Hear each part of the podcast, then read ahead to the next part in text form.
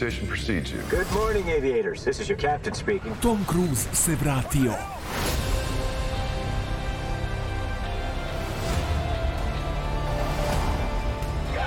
Top Gun Maverick u bioskopima od 25. maja.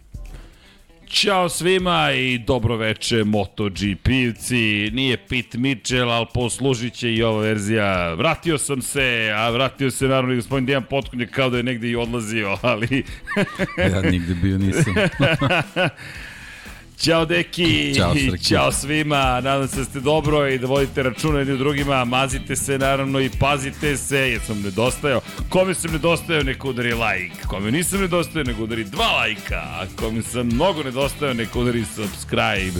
Ako želi, neka udari join ili ode na patreon.com kroz Infinity Lighthouse i kaže, ova muzika se sada čuje u reklami jedne, uh, ode muzika, Vanja je rekao, čao muzici, Ne, Vanja, ne, gde mi je muzika? Vanja, zašto? Čemu mu... Evo, Vanja reče da mi ipak vrati muziku i taman sam se zaleteo i htio da kažem, ova muzika se sada čuje u reklami jedne poznate naše kladionice, jer Infinity Lighthouse je svugde, a znak beskonačnosti je našao svoje mesto na još nekim korporativnim izdanjima, tako da gde god vidite Infinity, znajte, to smo se mi infiltrirali. Gde god čujete ovaj zvuk, to znajte, to smo se mi infiltrirali, jer antikultura je tu. Šalu na stranu, gospodin Dejan Potkonjak je tu, Moto Grand Prix je naravno tu i da Fabio, da i ne Aleš, ne, šta je ono bilo Dejane? Jao, nećemo odmah u podcast da uletimo sa Moto Grand Prix, ali ne, ne. Ne, ne, ne. Najveći utisak je jedno veliko ne. Na nivou Darta Vadera i Luka Skywalkera. No, no, Aleš, no. Skočit ću u okno. Principala Skinnera. Više. Više. Dobro. Da, da, dobro. Ja bih, ja bih da, da iskoristim priliku da, da pozdravim jednog gospodina koji nije večeras sa nama, nadam se da će jednog dana ili jedne večeri biti sa nama, ali pričamo dosta o o stresu, pričamo o mentalnom zdravlju, pričamo o strahovima, pričamo o nekim stvarima sa kojima čovjek mora da se suoči. Zašto to spominjem? E pa jedan gospodin se suočio sa jednim povećim strahom, iracionalnim, i želim da iskoristim to kao primjer kako pobediti strah od letenja.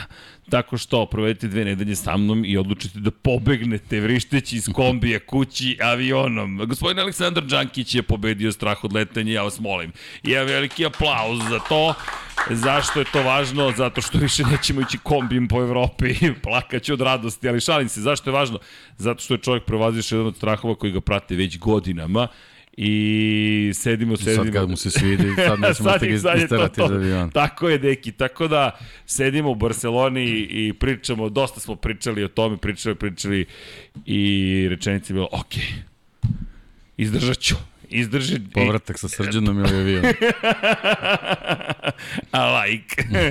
Rešio je da, da ode da avionom bezbednije bilo ili, ili, ili mirnije šta god, ali nije mala stvar, ja se malo šalim, ali pobediti tu vrstu straha znam jer sam se borio s istim i baš smo pričali o tome, evo, ako nekome može da pomogne, šta sam ja radio, šta su radili neki moje prijateljice, šta su radili neki dragi ljudi, dakle, nekima pomaže statistika, uzmu pa prođu statistiku, ka šta kaže statistika, to se kod dama ispostavilo efikasnim, ne znam da li je istina ili nije, ali to, to dosta devojka mi priča o tome, ne, ba, statistika mi je pomogla oko iracionalnog straha, ok, neki poput mene su učili kako avion ne fan samo funkcioniše, već kako se upravlja avionom, imam flight simulator po kom je moj rođeni brat, kako bih mogu da vas spustim bezbedno u slučaju da nema pilota avionu. ali da, da, to je činjenica. U krajnjem slučaju, kako god se mrštila draga koleginica iz prodaje, a Dom Pablo me nadam se podržao, Dom Pablo mahnite glavom, ta, tako je, tako je. Dakle, e, ja sam vežbao da spuštam te, e, te lepe letelice i držim palčeve samom sebi da će to, ako ikada zatreba, biti uspešno, ali ako ne bude, bar, bar vam je statistički gledano veća šansa sa mnom nego bez mene. Deki, to je čista sad matematika. Veći su šanse Sad koliko... smo opušteni mnogo. Ali da, eto, to iskoristim priliku da pohvalim.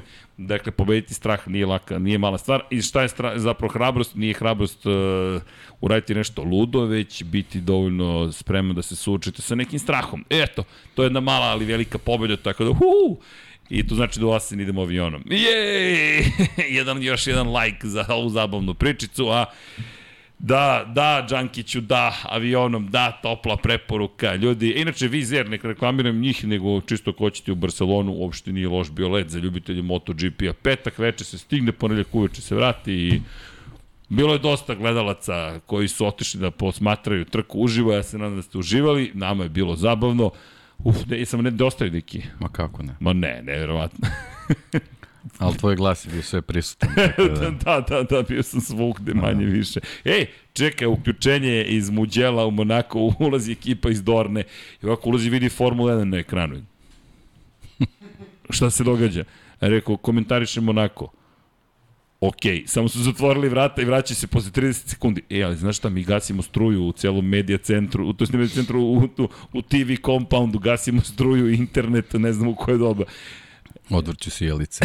Vadiš tekere. E, Da. apropo sjelice, znaš da su nam kupovali IKEA lampe u Valenciji prošle godine, pošto je neko rešio da napravi montažni zid između dve lampe, kako bi uštedeo u osvetljenju i onda dobio da time što je stavio gipsani zid između dve, bukvalno dve lampe neonske, dobijemo malo mi svetlo, malo oni. to još nisam video ta, to rešenje. Pokušaj efikasnosti i ulazimo ako gledamo kao, ok, uh, svesni ste da ovo ne radi nikome. I oni kao, da, svesni smo i bukvalno sam lupit, kupili 30 IKEA lampi time su svetleni kabine. Male tajne velikih majstora, neko je prokomentarisao, ja sam mislio tu sada kod vas je žurka, dolaze slavne ličnosti. Ne, ne, nas slavne ličnosti ne obilaze. Ali, osim, osim kada dođu s naših prostora, pa ih mi uvedemo gore da je televizija jer je zabavno, a mnogo je zabavno zapravo gore i tako. U svakom slučaju, nadam se da ste dobro dobili smo jedan divan poklon, čekajte, drugari. Hvala gospodinu Miodragu Kotoru. Da, vraćamo se do Muđela. u stvari. Vraćamo se čak do Muđela. Two Lap 76 Gas. E sad, mnogi kacige imamo koji su potpisivane, ali ovo je na, pred nama, gospodin Lorenzo Dalla Porto, svetski šampion Moto3 kategorije iz 2019. uzeo i rekao za koga, i kaže gospodin Kotor, kaže za Lap 76, a okej. Okay. Tu Lab 76 je kao, o, samo smo narasli ko kvasac, veći smo bili od domaćinstva Leoparda, ali kaciga je predivna, ovo je autentična, autentična trkačka kaciga, L, čisto da znate, neko je rekao, pa sigurno ste dobili small, ne, ne, deki i ja ćemo ovo da vozimo po gradu. Jel? A, ne znam. Moralo bi da se proba. Misliš, M nam više odgovara. To si ti rekao, dobro? Pa, mislim, inferiraš da je M. Da. Ali šalo na stranu, mnogo je lepo osjećaj kad dobijete kacigu, bilo koju, a kamoli potpisanu iz ruku svetskog šampiona, još od gospodina Kotura, koji nas je sačekao s poklonom i rekao, e, imam nešto za vas. I daje nam kacigu naravno svi smo popadali u nesvest. Tako da je to bilo divno i bilo je baš zabavno i predivno je i kaciga izgleda spektakularno, zaista. Ovo, viđamo je i na televiziji naravno najviše, ali e da i bilo je zabavno, to ću pričati ajde isto posle. Trening broj 1 u Moto3 kategoriji i kako je čudno pričaš sa čovekom koji je šef ekipe i bla bla bla bla i osvaniš glav, na onom glavnom kadru i kao, mmm, dobra nam je majica. Mo- Možda je trebalo da reklamiram Lab 76, ali bio je Kimi.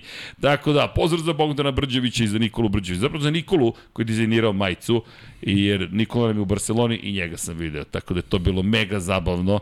Generalno je to dugo putovanje koje je kraj, prekratko trajalo, jer Moto Grand Prix uvek prekratko traje. Ali, deki, hoće mi da krenemo od, od ne Aleš, ne ili da Fabio, da, Fabio, apsolutno. Fabio, apsolutno, slažem se. Da, Fabio, deveta trka ove sezone, praktično smo na polovini godine, deseta pobjeda u karijeri i da njega citiram, pa ovo je pobjeda na drugoj velikoj nagradi Francuske, ako smem da, tako da se Ili kao izrazim. što si eto sad upravo rekao, devet, deveta za desetku. Da, devetka za desetku, da, baš, Baš lepo rečeno. Ali baš je bilo, bio je gotovo savršen. I odrite like svi koji ste sumnjali u ono što je su govorili da kada dođe Fabio, da će to biti sve i svašta, mada deki tipovo na Fabio za Barsu, ako se dobro sećam, ja sam bio skeptičan, bio sam ubeđen da Banjaja ima ovu trku, ali nažalost Takaki na Kagami. To nikad nećemo To nećemo saznati. nikad saznati, da, da. To ne smemo da zaboravimo, ali to je novo, to nikada nećemo saznati.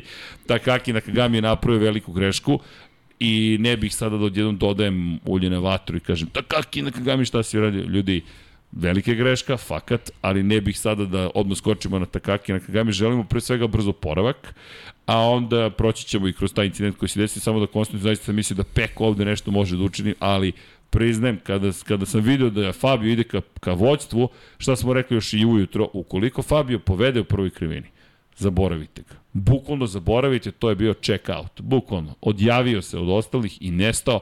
Deki, ja ne znam koje superlative da upotrebim, Pri čemu? Produžio ugovor sa Yamahom do kraja 2024. Monster je produžio ugovor sa Yamahom do daljnjeg, očigledno da sve ima cenu ili sve ima Sve je vezu. povezano, da. Tako je, a onda Fabio, čisto da se zahvali jednima i drugima, na trci koju sponzoriše Monster je rešio da pobedi.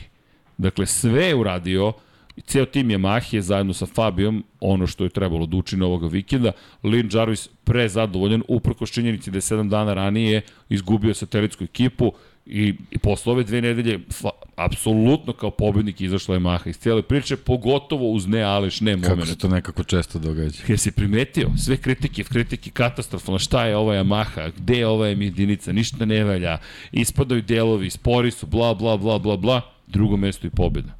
45 poena na dve možda najteže trke koje ima u kalendaru u ovom trenutku. Meni je ono bilo fascinantno.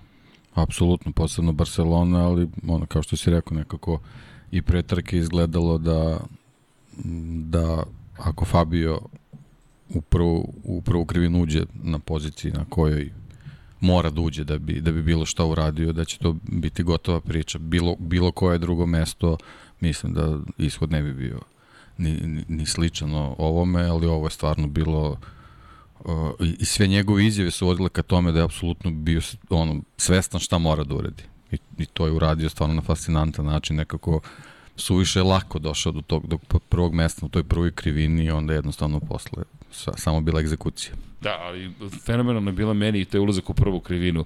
I izjave njegove posle toga, e, kako, kako je krenuo prenos i kako komentarišemo i sad Aleš Espargaro koji startuje s pol pozicije na aprili i to 7 godina pošto je osvojio sa Suzuki pol poziciju. Znali smo da ta trka neće biti uspešna i ne tako, to, to je u tom momentu Suzuki prosto imao jedan specifičan moment kada je reč o gumama, u kvalifikacijama, ali nije mogu trci da se meri s ostalim. Ovde je Aleš mogao da se nosi, ali, iako je poveo, svećate da smo izgovorili, sačekajte kočenje. Sačekajte bukvalno kočenje. Da, velike razdaljene, baš je dugačko i nekako pozicije na stazi su govorile šta će se desiti. I, i vidiš, Bukvalno tog trenutka, da. da. I imaš kameru sa ramena koja je na, na peku banjaj i vidiš samo jednu Yamahicu kako i malo ću kasnije da kočim u odnosu na vas drugari i Ma, to ne, ćao. malo kasnije, nego generalno i tokom čitave trke je pokazao u stvari koliko je to kočenje njegovo master klas u odnosu na sve drugo i stvari i kroz njegova se vidi u stvari da to je neka tajna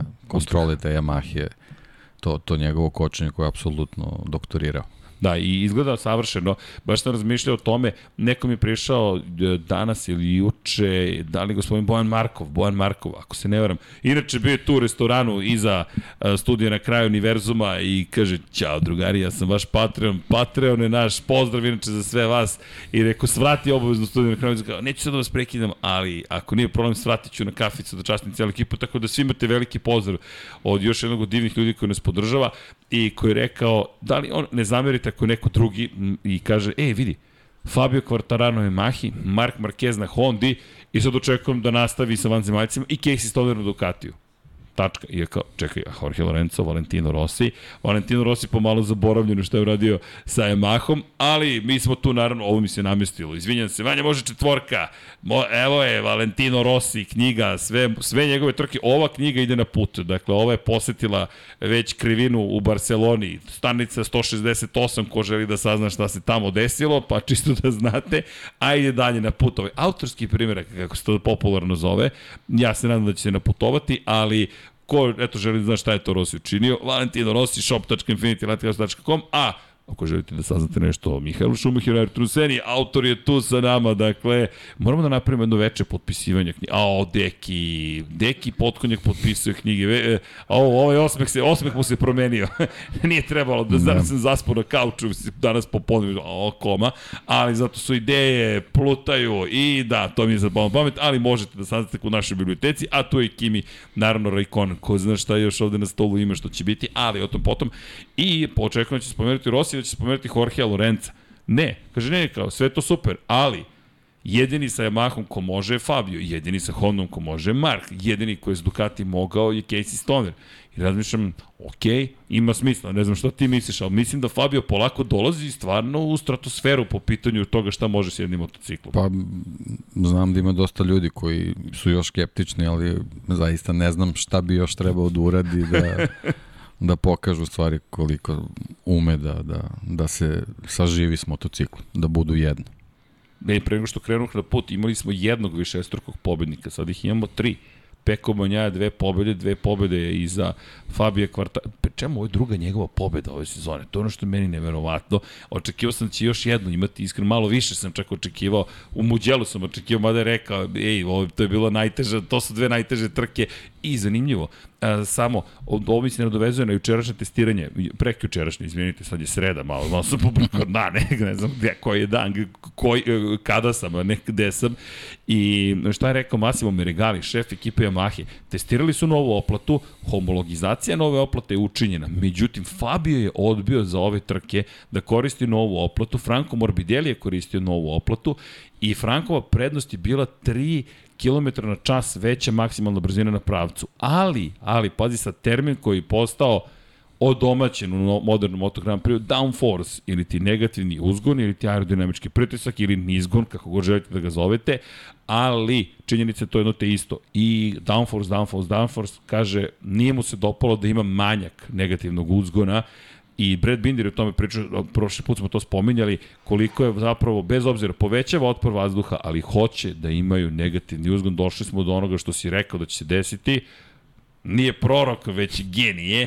I čovjek koji je rekao davno, sada dosta ljudi spominje Formulu 1, došli smo već do tog stadijuma, downforce i to je rekao Fabio, to je to. I Massimo Vergali rekao, možda je to i tajna onoga što može Fabio sa Yamahom kroz krivine. I o tome smo pričali, kočenje, prolazi kroz krivine, elegantnost njegovog stila, ali mi je bilo fascinantno da je Fabio odbio novu oplatu i dobio bolje rezultate samo koliko je njemu važno da taj prednji kraj pa dobro, bude da, oboren. mislim dobio je bolje rezultate, ali ipak ovaj Frankovi rezultati pokazuju da ima nekog napretka vezano za, da, da, za, za ima. te elemente koje donose u poslednje vreme njemu više odgovara ova nova oplata, a i ok što imamo podršku iz perspektive Yamahe ka nečemu što je drugačiji stil i što odjednom Franko počinje polako da podsjeća na sebe, još nije tu, još ima tu puno posla, ali činjenica Franko samo, samo, samo, samo pouzdanje da ne izgubi, to je, to je ono što je najvažnije. Jeste, a, a rekao još pre mesec i po, jedino što me spašava je što imamo da. ugovor sa Yamahom pa, na primjer, za razliku od, od Dovija koji bukvalno svakom izjavom zvuči kao da je potpuno digu ruke od svega. Pa i, i tako i deluje. Inače, Dovi koliko god da su ljudi tražili autograme, trenutno samo deli autograme, smeje se, ali kada bi je brečao o samom poslu, Dovi zaista izgleda kao čovjek koji samo čeka da prođe ova sezona. U velikoj meri me podsjeća na prošlogodišnju godinu Valentina Rosija. Deluje mi umorno Dovi, kao da je zaista digao ruki da je rekao, okej, okay, Ajmo da pa, završimo kako, nesumnjivo je, ono, sigurno postoji trud na stazi, ali kad vidiš rezultate, znaš, kad prođeš linijom, pogledaš a znaš da si dao sve od sebe u krugu, sigurno je frustrirajuće. Čekaj, kad pogledaš ispred sebe, a pobedio ti klubski kolega... Pa ne, posebno kad uporediš svoje sa Fabijevim rezultatima. Pritom i kroz Doviju izjave tokom sezone, on, savršeno zna u čemu je problem, ali da. jednostavno to ne može da promeni. Da, to ono što je fascinantno. To je ono što je, što je neverovatno i, i sigurno je ozbiljno frustrirajuće. Ne, I meni jeste to, to što si rekao frustrirajuće. Ti znaš, aha, zbog ovoga i ovoga ja ne mogu da budem... Ne, on je odmah rekao, pojente u tom kočenju, Oni jednostavno ne, ne mogu da, da, da postignu Fabio nivo i to je to. Ba, ne, ne što ne znaju da koče na taj način, nego jednostavno ne mogu da primene na motociklu. I to je ono što stvarno sigurno zna da nervira. Mislim, to je, pritom se ponavlja iz, iz, bukvalno iz izlaska na stazu do sledećeg izlaska. Ne, nije to samo povremeno, jednostavno, konstantno je tako. Ali znaš šta je meni fascinantno, što se to sad dešava manje više u svakoj fabrici. Koliko god želeli motocikl kojima upravljaju svi, uvek se izdvoji jedan Brad Binder u KTM-u, iako nam on nije glavna tema, ali zanimljivo mi to Remy Gardner kada je rekao, vidi, ko, kao zver, kao životinja vozi Brad. Pričamo inače sa Bradom Binderom pre, pre njegovog intervjua, rekao, pa rekao Remy da zvožiš kao životinja. Stvarno? I, i ja kao, pa dobro, neću tako tu terminologiju potrebiti u intervju. On, on kaže, nemoj, molim te. Znaš, zvuči čudno. A onda Miguel Oliveira koji kaže, ali, ali Brad ja imamo, go, imamo vrlo sličan stil vožnje. I naša podešavanja motocikla uopšte nisu toliko različite. I sad isto potvrđuje Binder i razmišljaš, a šta se zapravo ovde događa? I više te, te, težim ka onome što je Remi rekao. Remi je vrlo iskren i precizan koji je rekao jednostavno mi ne možemo da imitiramo Breda Bindera i apropo tvog pitanja, baš mi je bilo zanimljivo koga koristite kao referencu, kaže Oliveiru. Kaže, nama Brad Binder ništa ne znači. Bukvalno, mi ne možemo za njegove podatke da ih zaboravimo, ali mi je to samo veza sa ovim pričom sa Yamahom, pa onda sa Hondom, koji inače imala mnogo problema juče, prekriče sa testiranjem. Nema Marka Markeza, povređen Takaki Nakagami, povređen Štefan Bradl i ostaju ti Alex Marquez i Pole Spargaro. Koji neće biti Hondi. Tako je. I, ti sad, i sad a, Albert Puć, Albert Puć koji ne može da kaže šta se sve dešava i kaže so we have Alex who is testing and uh, Paul Tako who da is možda, testing. možda u nekom trenutku trebamo da imamo i razumevanje za njih. Bukvalno Ako ne treba. bude baš se išlo kako treba, mislim već duže vremena ide kako treba, ali Ali pazi, prvi put sam Eto, vidio Puđa da se smeje. Bukvalno se smeje jer došao je do stadijuma da se on smeje, da je, da je, da jednostavno kaže te nema mišlje šta. I Honda je dala novu, novi ram je dala Takakiju Nakagamiju. On je pao, povredio se, izbacio Fabija, Francesca Bonjajo, oprostite, izbacio Aleksa Rinsa sa staze, izvinjao se posle jednom i drugom i Suzukiju, Rinsovom Suzuki i naravno Ducatiju, ekipa Francesca Bonjaje, ali slaba uteha. Još pride mora svoje ekipi da se izvinjava, jer ga sada nema na testiranjima. Jedini čovjek koji upravlja najnovijom verzijom Honda je van akcije. Da. I ne znamo kada će se vratiti na stazu, nadamo se za, za, za Nemačku, ali to je veliko pitanje. Tako da, prosto, u Hondi sada čak nema ni nikoga ko može da upravlja tom Hondom i to je sad motocikl koji čeka. Koga, vidjet ćemo. Inače, Mark Marquez, uspešna operacija, samo da spomenemo kada smo ga spomenuli, jednostavno da, za sada uspešno. Tehnički uspešno. Tehnički. Šta to znači? Da. Ne znamo. Čekamo. Eno ga kod kuće, vratio se u Španiju, oporavak sada je počeo, inače rotirana za 30 stepeni ruka. Deki, e, meni je to, dakle, čisto da objasnimo, ako je njemu stajala ruka ovako, nije trebala da stoji tako. Ovde su ocekli kost i onda su uzeli i savili ruku za 30 stepeni u ovom smeru i vratili je nazad, spojili je. Deki, on je imao za 30 stepeni pogrešno zarotiranu ruku već godinu i po. to kad su otvorili bilo je kao ko ti dođe vodoinstalater, ko ti ovo Ko ti ovo radio? radio, bukvalno. Ali surovo listri, ko ti je ovo Da, radio? da, šalimo se sad, ali dobro, na- nadam se da sad sve je okej, pa eto, da To da vidimo. ima. Da, Nevjerovatno. da krene kad poskida sve te gipseve i zavoje i, i ove, longete da vidimo kad krene s funkcijom da li je to to. Ali deki, meni Samo to... je bilo super da da ne trenira na, na motocross, eto, to mi onako... Slažem se, ali, ali moram da spomenem i tim koji obavio tu drugu operaciju. Kako uspeš za 30 stepeni Pa da dobro, znaš kako, verovatno čim se pojavila ta priča, pretpostavljam da to nije prvi put da su tako nešto radili, verovatno su s nekim, kroz neke snimke, analize, došli do toga da je, da je nešto, neki sličan zahvat već preduzet i da ne verujem da je Ale, ovaj, Mark zamorče. Ne, ne, ne, to. Nego, ovo je da je četvrta. neka- pa to, ali već ko je neka- radio drugu da toliko A, pogreši? misliš njegovu Tako drugu? je. A to- Jer tako sećaš, on je bio je- pesan posle druge operacije. Znaš kako, prvo sa, sa ovaj, problemima sa infekcijom, onda loš urađen posao, to je onako baš, baš, kako bih rekao, zabrinjavajuće, posebno što to, to su generalne ekipe lekara kod kojih svi idu, ovaj, što se tiče tih vrhunskih sportista, tako da ovaj, to je sve onako malo, malo čudno, od, od, počeš od te priče kako beše doktor Mir, prvi Jeste. koji je radio, od tog trenutka to nije funkcionisalo kako treba, tako da ne znam, baš onako, eto, neki nesreć, nesrećan splet okolnosti što se Marka tiče. Ovaj. Znamo, je, eto, da, da i on sa tom nekom svojom željom i prirodom možda doprinao da se to sve toliko ovaj, zakomplikuje i pogorša, ali očigledno da nije samo njegova tu krivica. Verovatno je a, radio nešto misleći da je sve urađeno kako treba. Da, ali mnogo je, meni je to bilo tužno kada sam shvatio, nažalost da se potvrđuje ono čemu smo toliko spekulisali, da ti imaš čoveka koji je zapravo mnogo teže povređen nego što iko očekuje, a da ti imaš suštinski problem sa rukom, ali okej, pomerene za 30 stepeni i rekli su mi iz klinike Majo kada su videli taj snimak, inače radili su bukvalno 3D otisak na, zahvaljujući eh, CAT, CAT, CAT scanu, zapravo CT scan je urađen i dobili su 3D, u 3 dimenzije su zapravo dobili celu ruku, uradili su o štampu kompletne kosti i rekli ovo mi možemo ti sredimo, dolazi kod nas. 3 sata je trajala operacija, završena uspešno iz perspektive procedure, procesa samog operacije i sada čekamo da se vrati. Pa, ćemo. kost, tkivo, milion tu sad faktori ima, ta, ta ruka je baš izmučena. Tako Infekcija. Da, da, mislim, verujem da kako god bilo neće ovaj, predstavljati problem za neki normalan život, nego jednostavno za, za ovo čime se on bavi šta ume zaista vrhunski da radi, to je u stvari bitno. A za sve ostalo mislim da to neće biti nikakvih problema. Da, inače, iz perspektive onoga što nas čeka, priča se da čak u Mizanu želi da se vrati, tako da e, ja se nadam da će biti mudar, ništa drugo. Dakle, mudar, bez obzira što eventualno kasni razvoj da, da tvoj, tvoje lice Bitan faktor, da. bitan fa ali samo da bude dovoljno mudar i da kaže, ej, ajmo ne moramo da se vratimo u Mizanu. Možemo, ako baš mora u Valenciji, može jednu trku da dveze ako je toliko bitno, ali ja mislim da zaista najvažnije sada, naučeni svim ovim iskustvima, sačekaj malo. Bukvalno samo sačekaj malo i to će sve da bude ili ok, ili je prosto tako kako jeste i u tom slučaju nije izgubljeno ništa time što nisi bio u Mizanu. Otiđi sledeće godine na neku trku, pokušaj, to je to.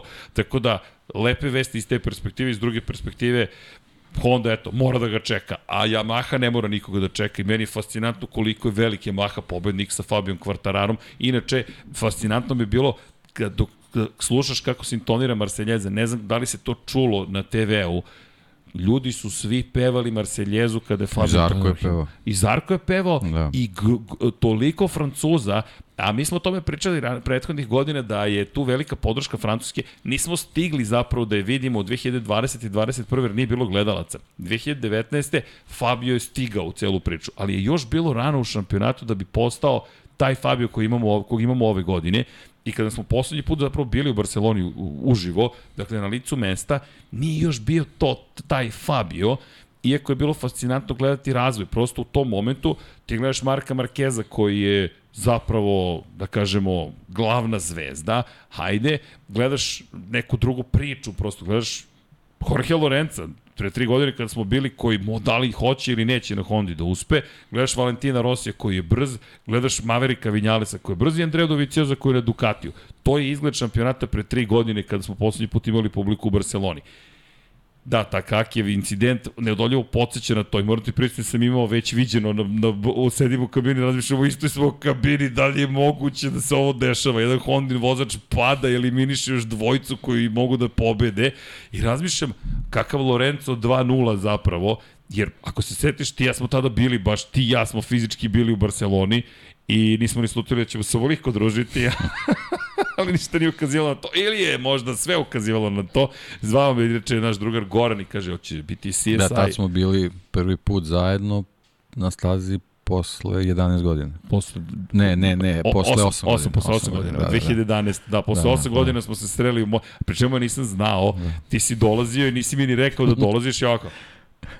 Deki, otkud ti ovde? I otprilike, naravno, pa kako otkud ja? Neću drugde da budem nego na Moto Grand Prix-u. I znam da je bilo zabavno da smo se jurili niz prvu krivinu, to je bilo trčanje, bakar 20 metara trčanja i onda gore CSI deki potkonjak, to mi je bilo sjajno. Srki, hoćeš da odemo da obavimo jednu forenzičku analizu?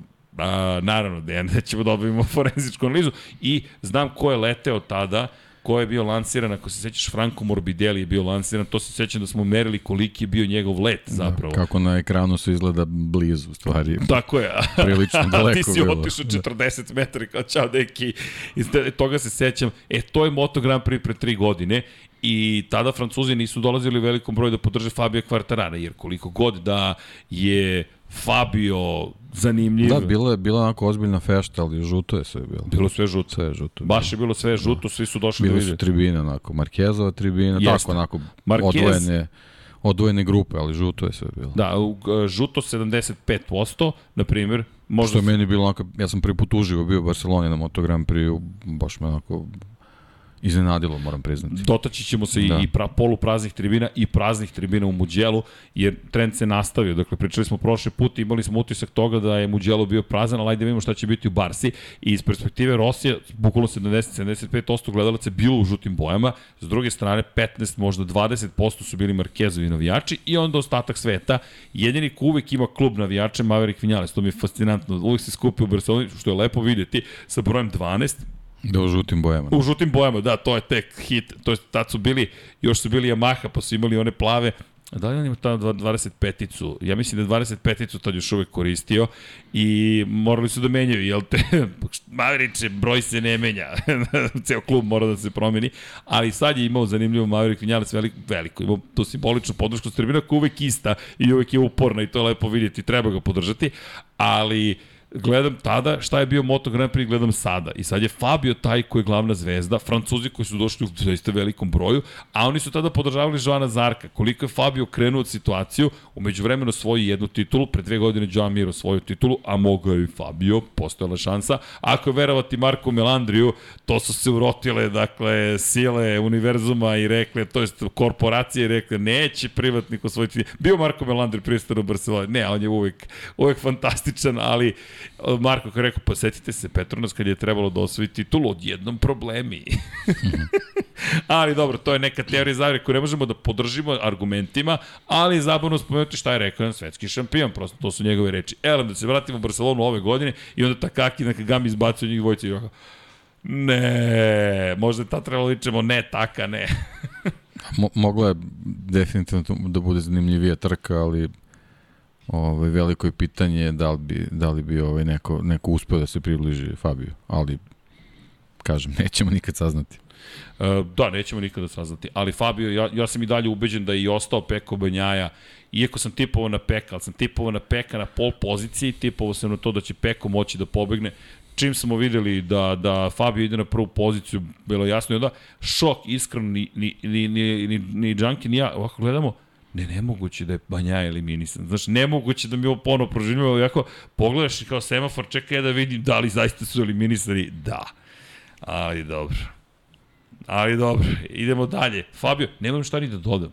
On, on je 6 sekundi završio ispred svih, bio je fantastičan i baš je bio zvezdan iz perspektive ponašanja, baš je neko ko se ponaša kao sve veće i veće zvezde i mislim da je sve svesniji svog statusa i svoje pozicije.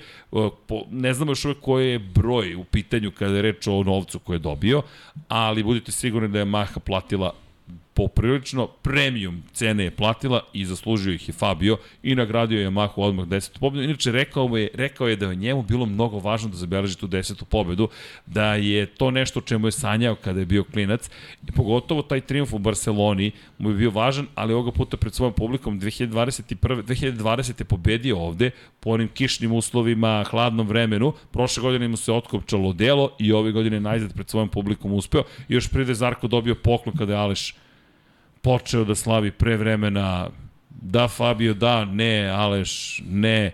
Meni je samo žao, nemam šta drugo da dodam. Prosto, cela ta priča, gledao sam nulu, nisam obratio pažnju, pomislio sam da je završen poslednji krug. I... Pa ne, to je onako baš super primer ako, ako uopšte neko dođe u priliku da priča o tome kako su oni veliki profesionalci, surovi, kako je to znaš, taj neki nivo koncentracija bez emocija, bez, bez osjećaja ikakvih jednostavno, ovo je primer, mislim posebno Aleš, koji, ono, znamo ga već, već tolike godine, ovaj, kakav je po tom pitanju, jednostavno ko zna šta se tu sve vrzmalo po glavi, ovaj, ali zato, eto, više u nekim drugim šampionatima, ovaj, preko okeana neki mudraci su smislili lepo belu zastavu, pa lepo voziš maksimalno, ne razmišljaš o tome, kad vidiš belu zastavu, znaš da imaš još jedan krug i i to je to, ovako, ovako su im prepustili da moraju da, da broje, da računaju i eto, desi se nekad i, i taka stvar, naravno desi se čoveku koji ono, bukvalno najviše želi od, od svih da, da, da završiš tu gde je bio, ali eto, ne da se jednostavno. Vidi, meni je, ali pri, pri čemu, toliko iskreno, Džanki ja se ovako gledam i Džanki ne, ne, ne, ne, ne, ne slavi, i ovako mi govori, Ne slavi, ne slavi, ja kažem ne slavi, i 100% slavi, 100% slavi, nažalost, jer je tako počeo, inače, sticam okolnosti smo se šalili bukvalno na, na Monster Rigu dan ranije, gde imaju GoPro koji ide u krug i onda, te, onda sedneš na motocikl i kao ti slaviš fake proslava, kako ti izgledaš kada slaviš kada si pobedio. I bukvalno su to ti pokreti koji ljudi imaju na motociklu da drže kao... Man, da je bilo odustajanje, bile bi pesnice po rezervoaru tako sigurno. Je, tako, tako je, ulubio da, bi ga, promenio od, bi oblik. Od, od prvog trenutka je tu bilo mnogo više nežnosti, tako da nije to to. Bilo. Nije to to. I ako gledaš, ali ja ne mogu da prenesem možda da adekvatan, na adekvatan način emociju koju Aleš osjeća prema toj trci u Barceloni. To je za njega jedna od najvažnijih stvari u životu to je dokaz da su ono ljudi od krvi i mesa i jednostavno ovaj, dese se te neke blokade, ovo je stvarno bilo onako baš neverovatno i brutalno. Ne, bukvalno je bilo brutalno. Evo, evo pozdravi za Bakadua i za ostale, dakle, u četu, inače, pozdrav svima. E, što se tiče fantazija, Takaki Nakagami je omiljeni igrač fantazija od svada mnogima, ali činjenice da je Takaki Nakagami, sad je postao dežurni krivac i ja bih samo malo spustio loptu, ne kažem da, da nije odzbiljna odgovornost Takaki Nakagami, da nije velika krivica, samo samo, samo ne vidim da je Takaki Nakagami u jednom postao najopasniji vozač Moto Grand Prix. Mislim da je to dosta onaka amplifikacija nečega što se desilo.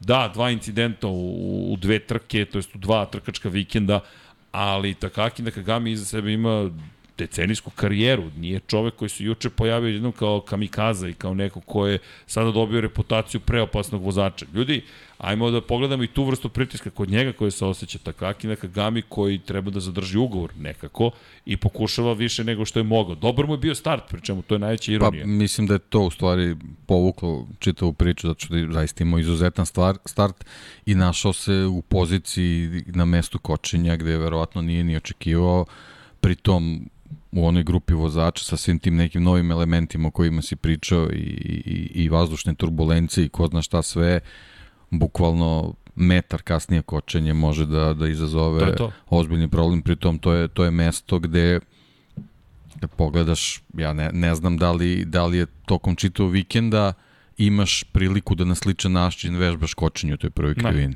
Ne, ne, vežbaš ono što je Fabio uradio.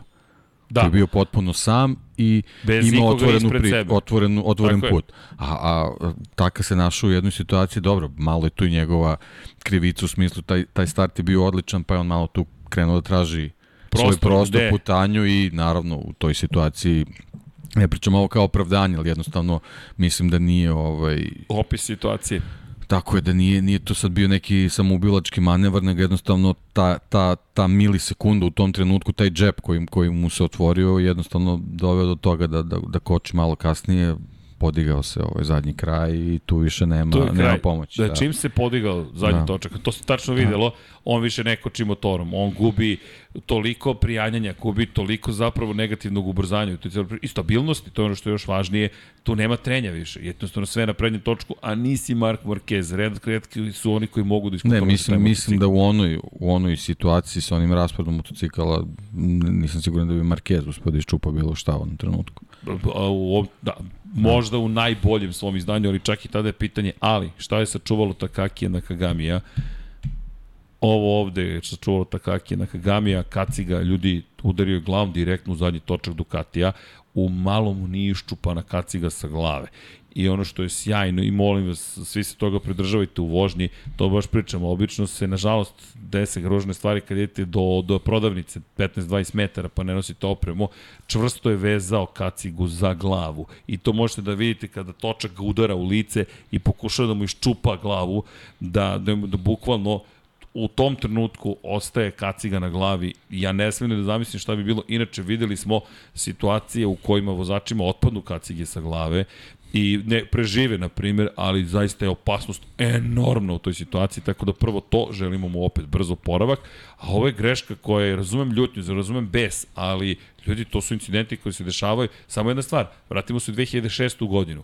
Loris Capirosi kak gde je ostao de facto bez šanse da osvoji titulu, upravo u Barceloni u krivini Burana, na koga je naišao? Na klopskog kolegu, na Sete Gibernaua, kontakt između njih, blokira se prednji točak, jednostavno došao do kontakta sa prednjom kočnicom, blokiran, podiže se zadnji kraj, lansiran i to je to. To je trkanje, nažalost ne možemo uvek da izbjegnemo incident, a pogotovo Deki što je da. lepo rekao, sada u Moto Grand Prix gde je delić sekunde odlučio da tražiš bukvalno milimetre, došli smo do nečega što podsjećanje niže kategorije, izjednačenost je tolika da će uvek biti zajedno, a što ti kažeš nemaš kada uvežbaš te stvari.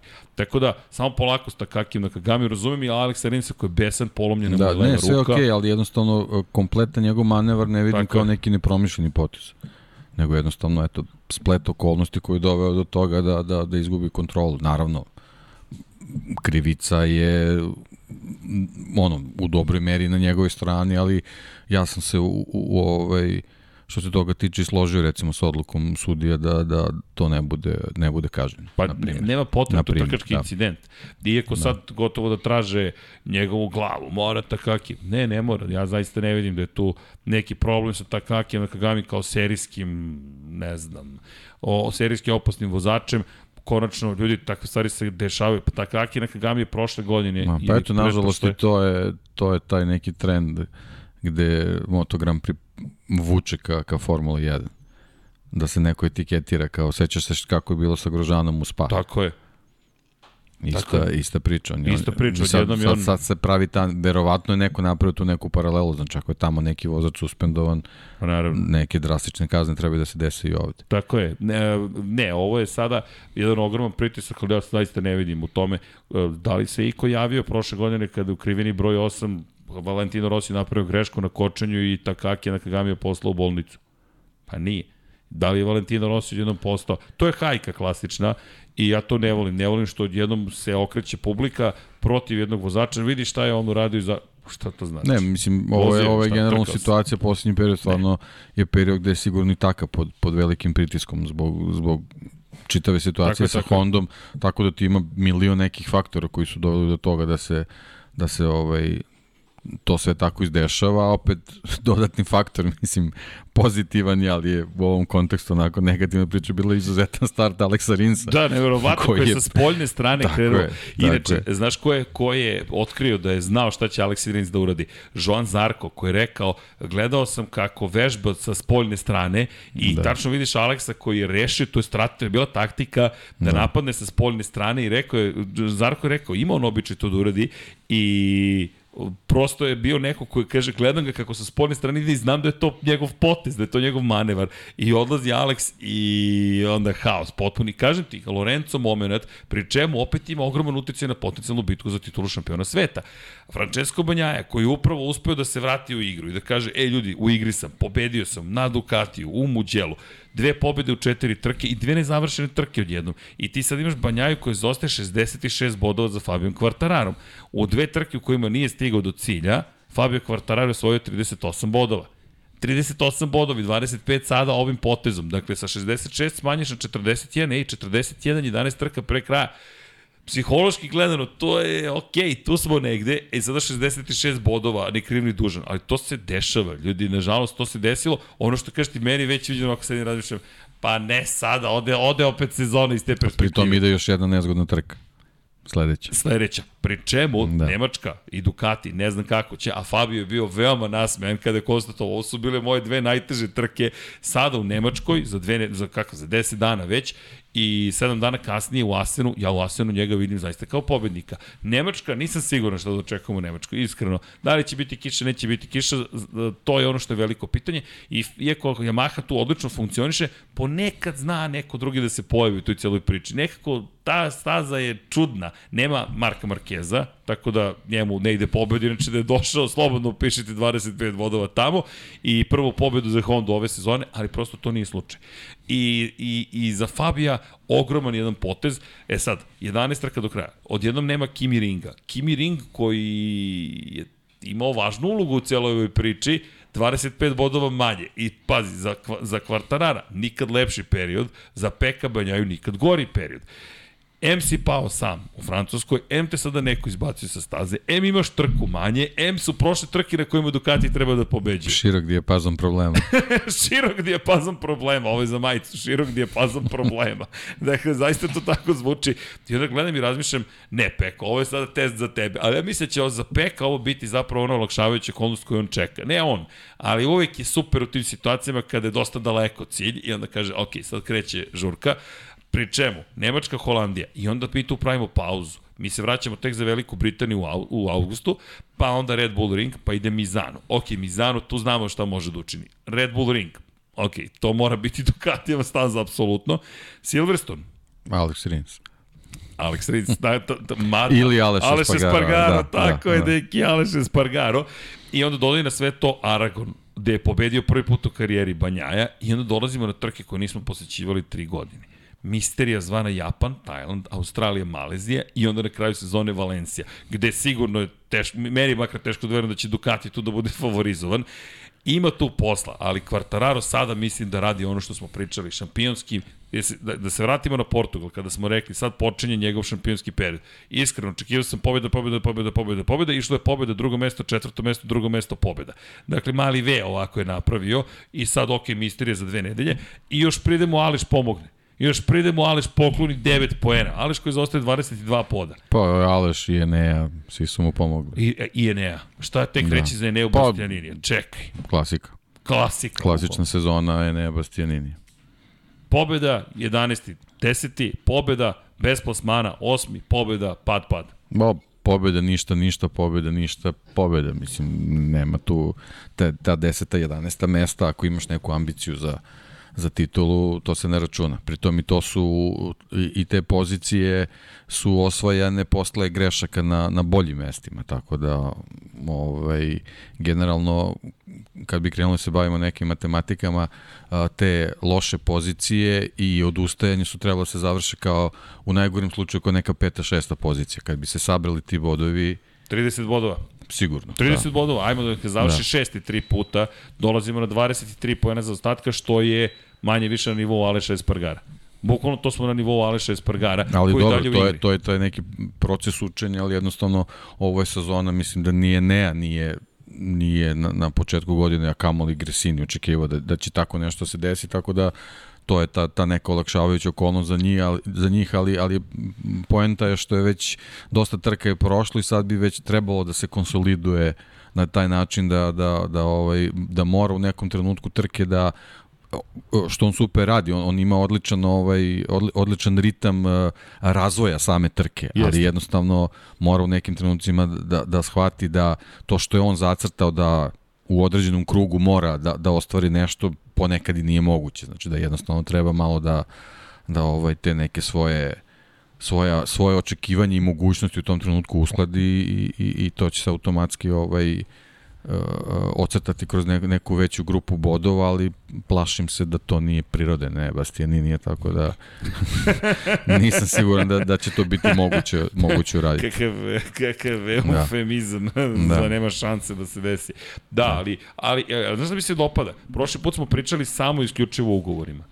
Samo smo pričali o ugovorima. Sad ugovore da. još nismo ni pa, dotakli. mi ne želim. Trkanje, baš, baš namerno, baš, namerno se trudim ne, da izbjegnemo ali, ali, to. Ali da. čak nije mi iskreno da, ni bila namera. Da, Toliko je dobro bilo trkanje. Stvarno, mislim, pričali smo i u prošlom podcastu tome, sad, sad ovo, ova kompletna priča oko ove trke, mislim, stvarno me već, već iritira, znaš, sezona, kao, kao, znaš, sad kreneš da gledaš neku dobru seriju, i stigu su neke treće epizode od, od, od, u ciklusu koji ima recimo 12 u sezoni, a ti već pričaš šta će se dešavati u sledećoj.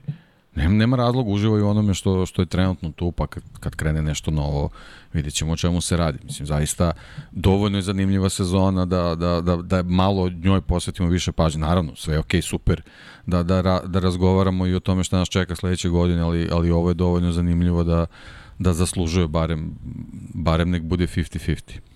Ne, meni je fascinantno zapravo... Što se tiče ovaj, zastupljenosti. Što je Fabio Quartararo zabeležio jednu pobedu koja zna da, da nas dovede u situaciju da kažeš sledeća trka, ej, znam šta će se desiti. Ne, ne znam šta će se desiti. Dalje ne znam šta će se desiti. O, pogotovo je Aleš Espargaro, na primjer. Njegov moment jeste i srce parajuć, ali i da. dramatičan, ali je vitan iz perspektive šampionata i koliko god grozno možda zvučalo je deo sportskog spektakla, da ne kažem tako je, show tako biznisa. Je. Velika je šteta samo što je prekinut taj niz e, podijuma. Tako je. Ko zna koliko taj niz može da traje. O. I to je baš, baš šteta. To je ono što ga je držalo zapravo da. u igri za titulu šampiona sveta. Jer sa tih dodatnih 9 poena, koji su da. ogromni, da pozdravimo dragu Vanju, Vanja, samo polako, do, čekaj, gde sad, a, ko će da nam preuzme? Dobro, Dom, Dom Pablo. Dobro, ja koleginice. Automatski pilot. Jel mora Dom Pablo, koleginice? Dobro, ajde. Ajde. Šalim se, naravno, naravno da je Dom Pablo uvek dobro. Udrite like za Dom Pabla, a može i za koleginicu iz prode. Neka je hvalio koleginicu iz prode, kaže, jao što je fina ona koleginica iz prode. Misli se, pravu ste naravno, ali sve je to u redu. Don Pablo ne odobrava uopšte moje šale u ovom trenutku, ali mala digresija, ne, moram malo da digresiram, ne, nema smisla, ali u svakom slučaju meni je fascinantno i dalje koliko je dobro bila trka iz te perspektive i koliko u posljednjem trenutku dobiješ jednu šokantno iznenađenje, neko je rekao upropasti Fabio trku, nije upropastio, ovo me vraća zaista u vreme Jorge Lorenza 2012. godine, kada uživate u nečemu što se kasnije mnogo više pamti, jer u tom momentu, ja samo pobeđujem Lorenzo, ja sam pobeđujem, Pogledajte kako je pobeđivao. Sada isto važi za Wayne Fabio. Rainey. Wayne Rainey. Bo... Apropo Yamahe, Wayne Rainey, ko se ne seća Wayne Rainey, neka pogleda neki od kadrova. Wayne Rainey je, nije imao nameru da, da uopšte provodi vreme u duelima previše. Ako mi date slobodu i čist put ispred mene, ja bih vas pozdravio u ime celog, celog Yamahinog tima i ćao. Isto važi za Mika Duana.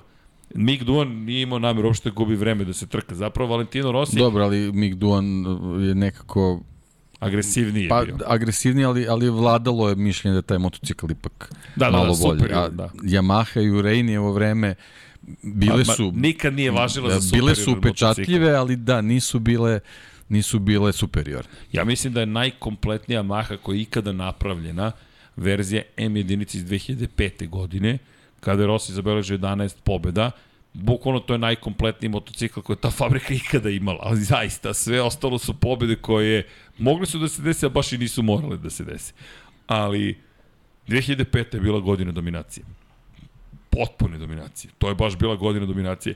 Što Yamahe, što Valentina Rosija, tu čak stvarno nije bilo nikakvog pitanja. Ako je znao, znali smo da će pobediti nekako, ovo sada je bilo pitanje samo koliko će pobede imati te sezone. To je, to je moje mišljenje, da je to najkompletniji motocikl. Pri čemu Fab, Fabio je insistirao da se neke stvari promeni, rekao je Yamaha me uverila da će se stvari promeniti. Šta se dešava? Yamaha ide okolo i kupuje ljude i nemojte se začuditi ukoliko vidite tehničara iz Suzuki naredne godine u redovima Yamahe. Inače, priča se da KTM juri Suzukijeve mm, inženjere. KTM koji je testirao pre dva dana Ja, ja ne znam šta KTM nije doneo. Čeo treći motocikl je bio prisutan, nisu hteli da otkrivaju šta tačno rade, a to jest šta tačno i onda dolazi dolazi Francesco Guidotti i kaže imamo novi novo novo prednje oslanjanje, imamo novi RAM, imamo novu oplatu, imamo novo ne znam, novu elektroniku, imamo, no, razmišljam, čovječe, to je novi motocikl, dakle, kako, kako planirate da ustanovite šta uopšte radi? Ne, ja mislim da je KTM i dalje, sve, daj sve, sve, šta menjamo? Sve menjaju, u jednom trenutku će to proraditi ponovo i opet ista priča, eto, uspeli smo puno krugova, imamo podatke, ja razmišljam da li je moguće da mi slušamo svake godine istu Da, priču. samo nema Pedrosa. Pa, da, dobro. Opet fali taj, taj sitni, sitni šrafčić. Je, ali bio na trkama, to je ono što da. je bilo zanimljivo. Videli, ga, videli smo ga na trkama i oni Setić Bernau, kako se druže sa strane, većina ljudi ih ne prepoznaje i razmišljam, nevjerovatno, pazi, ove dve legende stoje tu pored kamiona s porodicama, s porodicama, Seti je došao s porodicom i časkaju i razmišljam samo, ok, nećemo da ih uznemiravamo, koliko je to zabavan moment, jednostavno ne prepoznaju ih ljudi. Ali dobro, došlo neko drugo vreme. Ne, elem, apropo je Nea Bastianinija i neću oduzeti previše ugovore, ali Nea Bastianini je inače takođe testirao novu oplatu, tako da će to biti zanimljivo prosto ispratiti dalje dalje razvoj, ali mene vraća na nešto drugo. Koliko god razvoj bio važan, Jorge Martin bih voleo da ga pohvalim i da ga istaknem i njegovu drugu poziciju, ne toliko samo drugo mesto. Šta je Martin uradio tokom ove trke, to otkrio posle trke. Vratio se na verziju motora s početka godine odustaje od svih unapređenja koje je Ducati pripremio za GP22 tokom sezone i rekao imam ponovo taj osjećaj koji sam imao na početku sezone.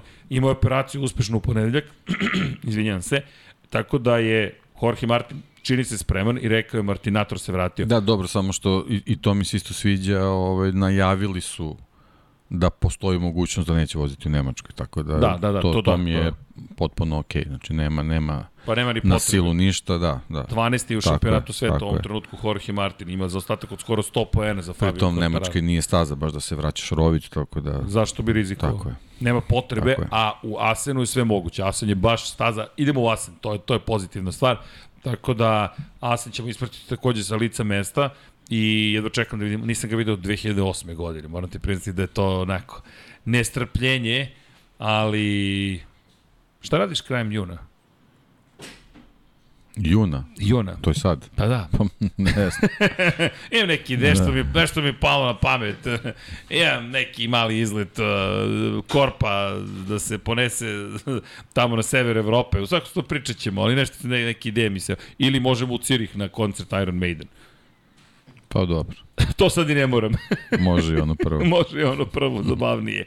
Ali da, Asim vidite, to je, to je posebno, zaista prava katedrala. I da se vratim na Jorgea Martina, ko odlično odvezao, bio je srećan. Ja mislim da srećnije osobe nije bilo gore na, na pobedničkom postolju, bez obzira na dva Francuza pred svojim publikom. Martin je slavio kao da je ponovo rođen i njegov izjav gde je rekao da je planirao napad u krivini broj 10 u poslednjem krugu, prosto da nije imao namjeru da odustane i onda Aleša kad je video, čak i kaže pustio gas. I to je ono što je bilo zbunjujuće, jer mi vidimo da Aleš usporava, ali ga Martin ne pretiče. I rekao, pomislio sam da je neki kvar i da budem siguran da je sve okej i on je pustio gas takođe, zato je Aleš na kraju ni, imao i toliko mnogo vremena zapravo da ostane uz Martina i onda je Martin shvatio, ne, on slavi. Idemo i Zarkova izjava na trećoj poziciji završi svoj krug i uzmi svoje pobedničko postolje. To je ceo koncept koji imao Zarko. To je koncept koji bi je ne svoje vreme, o, s vremena na vreme mogao da, mogao bi da, da primeni. primeni da, da. da. Pa, pazi, sa tih 30 bodova zaista potpuno Mislim, drugačije. kako bih rekao, ok, on, on stvarno vozi ovaj, ne mogu sad da kažem na sve i ništa, nego jednostavno vozi, vozi maksimum u svakom trenutku i pošto je na Ducatiju priroda motocikla mu često vrati, ali jednostavno zameriti čovjek koji ima tri pobede ove sezone, pritom je na poziciji da niko nije ni sanjao da će da bude, mislim, možda i to malo preterano. Tako da jednostavno treba, treba pustiti da, da se razvija ova sezona, a da on zajedno s njom malo uči neke stvari. Pa dobro, ovo je ono što on mora sada da nauči. Kako da završava trke. Kako da, da sebe dovede u situaciju završi tu trku, iako nisi Tako najbrži. I mora da popravi kvalifikacije kvalifikacije. Definitivno, da. da to baš, je baš, baš, baš je loše. To ne može takve fluktuacije da ima, ali pohval... I onda one, one vode poslu ove, neke, u ove, ove greške. Poteze, da, tako da, je. Da, Sve da. kreće od kvalifikacija. A pohvale za Fabio Di Antonija, posle pol pozicije u Muđelu ti ostaješ peto startno mesto. Otlučuje nešto, sad samo mu treba konstantnost, mislim, definitivno ima, pa dobro, ima, ima brz krug, ovaj, kvalifikacioni, ali, ali vidi se i u tim kvalifikacijama da ima dosta oscilacija.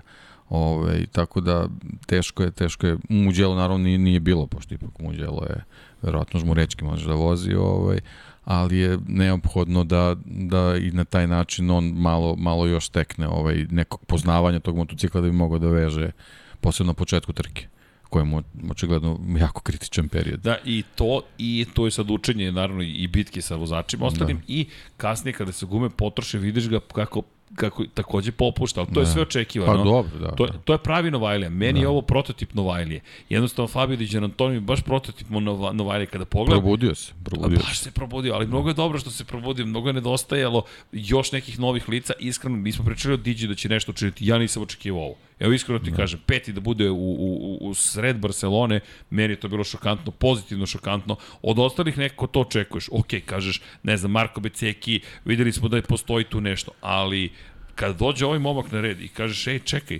pogledaj šta čini, malo je drugačija situacija. I moram ti prijeti se baš obradovo što je tu. Zašto? Opet jedan manji tim koji nešto čini, vrlo ozbiljno. Tako da Fabio Di Antonio sve Pa ne, pohvala. sad su dva vozača tu. Sad su dva vozača. To je, već druga priča. Tako Bez je. obzira što je ne imate pobede i, i tu neku mnogo bolju reputaciju, ali generalno u poslednje dve trke oni su već, već prilično izjednačeni. Da, još, u nekim elementima. I još to da savlada, da gume, da. ja mislim da su gume ključna stvar i ono što si rekao to, početak, pun rezervoar, kako upravljaš kasnije kada se potroše gume. Inače, apropo guma, zanimljivo da je Zarko imao tvrdu zadnju gumu na ovoj trci. I imaš zadnju tvrdu tr gumu i baš smo očekivali da li će sad da mu pomogne i Zarko je rekao na kraju, ništa mi nije pomoglo. U suštini imao sam istu gumu da. kao i da je bile srednje tvrdoće što me dovodi samo na kratko na jednu vrlo ozbiljnu temu, vratit ćemo se analizi trke, ali pričamo Teki, Michelin je rešio sledeće godine da nam ukine jedan set guma, jedan, jednu, jednu tvrdoću zadnje gume i da nas svede na izbor između dva pneumatika. Meni je to frapantno. Ti, ti ja smo se dopisivali, meni je to frapantno. Ti, ti, za, gume, ljudi, kontakt sa tlom, to su gume. To je najvažnija stvar koju vi morate da ovladate. Sve ostalo je nadogradnja toga da li ste ovladali korišćenjem guma.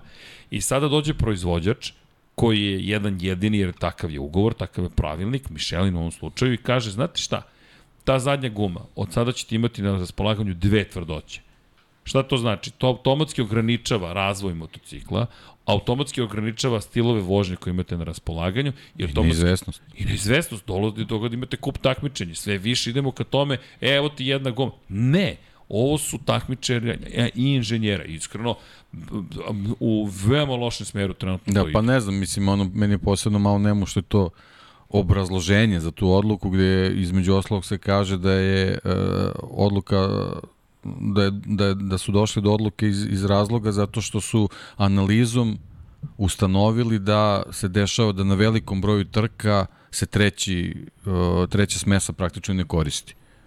Što, ne znam, to sad može da znači veći troškovi, ne znam šta, ali to su principu pneumatice koji mogu da se, ako su novi nekorišćeni, možeš da ih koristiš nekoj drugoj, drugoj trci i kad su trke po Evropi, to ti praktično zla, znači možda eventualno jedan šleper ide više Eventualno. Da, znači to, to, to ne može da, da, se, da se predstavi ne znam kako velikim troškovima kao da ti imaš e, tri, tri smese dostupne za svaku, za svaku ekipu. Tako da, ne znam, baš, baš me onako ovaj, iz, iznenadio sam se prvo kad, kad sam, eto, u, u ovom trenutku, eto, iz čista mira dobijamo tu neku informaciju, pritom nismo imali nikakve probleme što se toga tiče.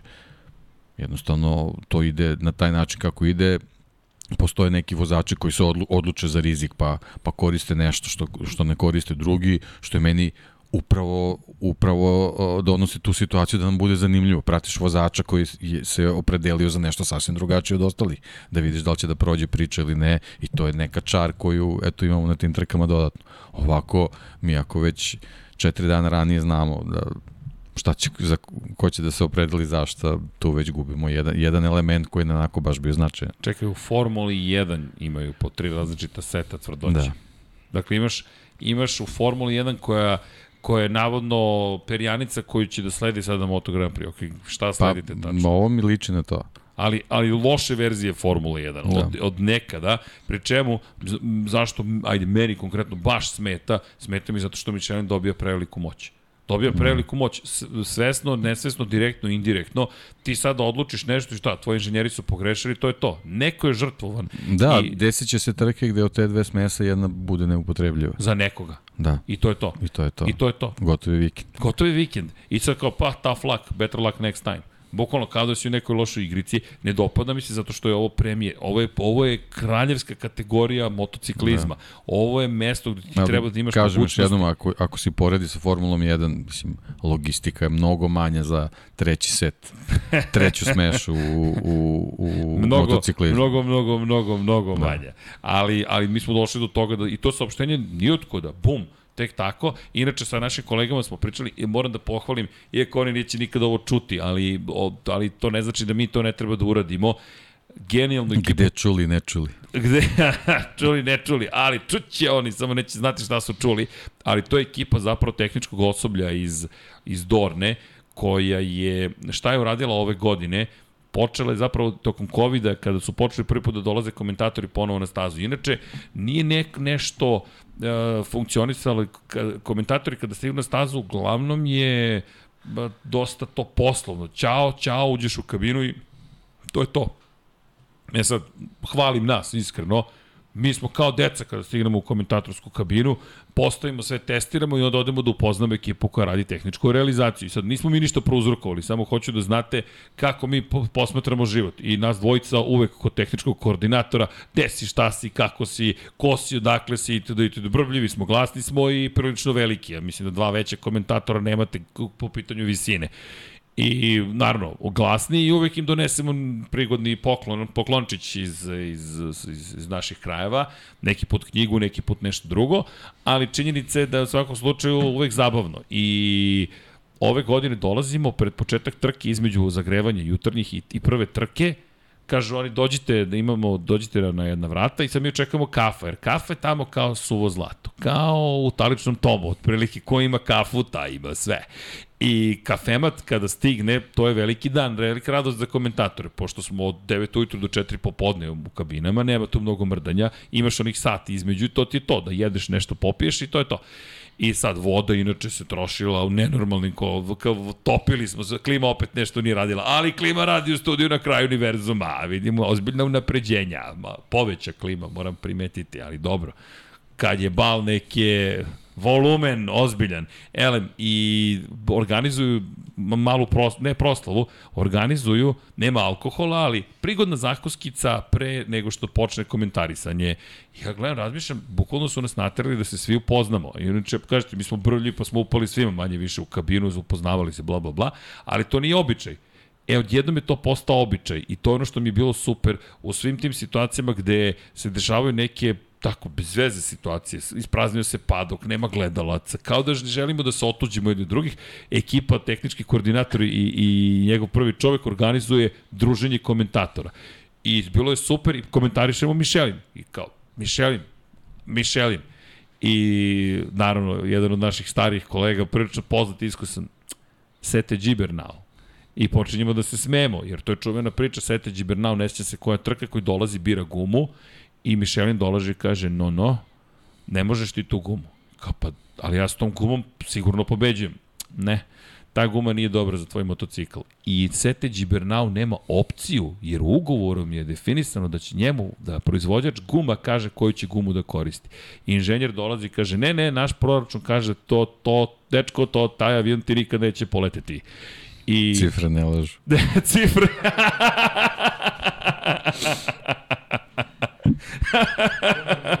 I Dejan Potkonjak, touchdown. dakle, ovo je bio Hail Mary, nije Hail Mary, okej. Okay. I to bi bilo to. Quarterback sneak je pao upravo.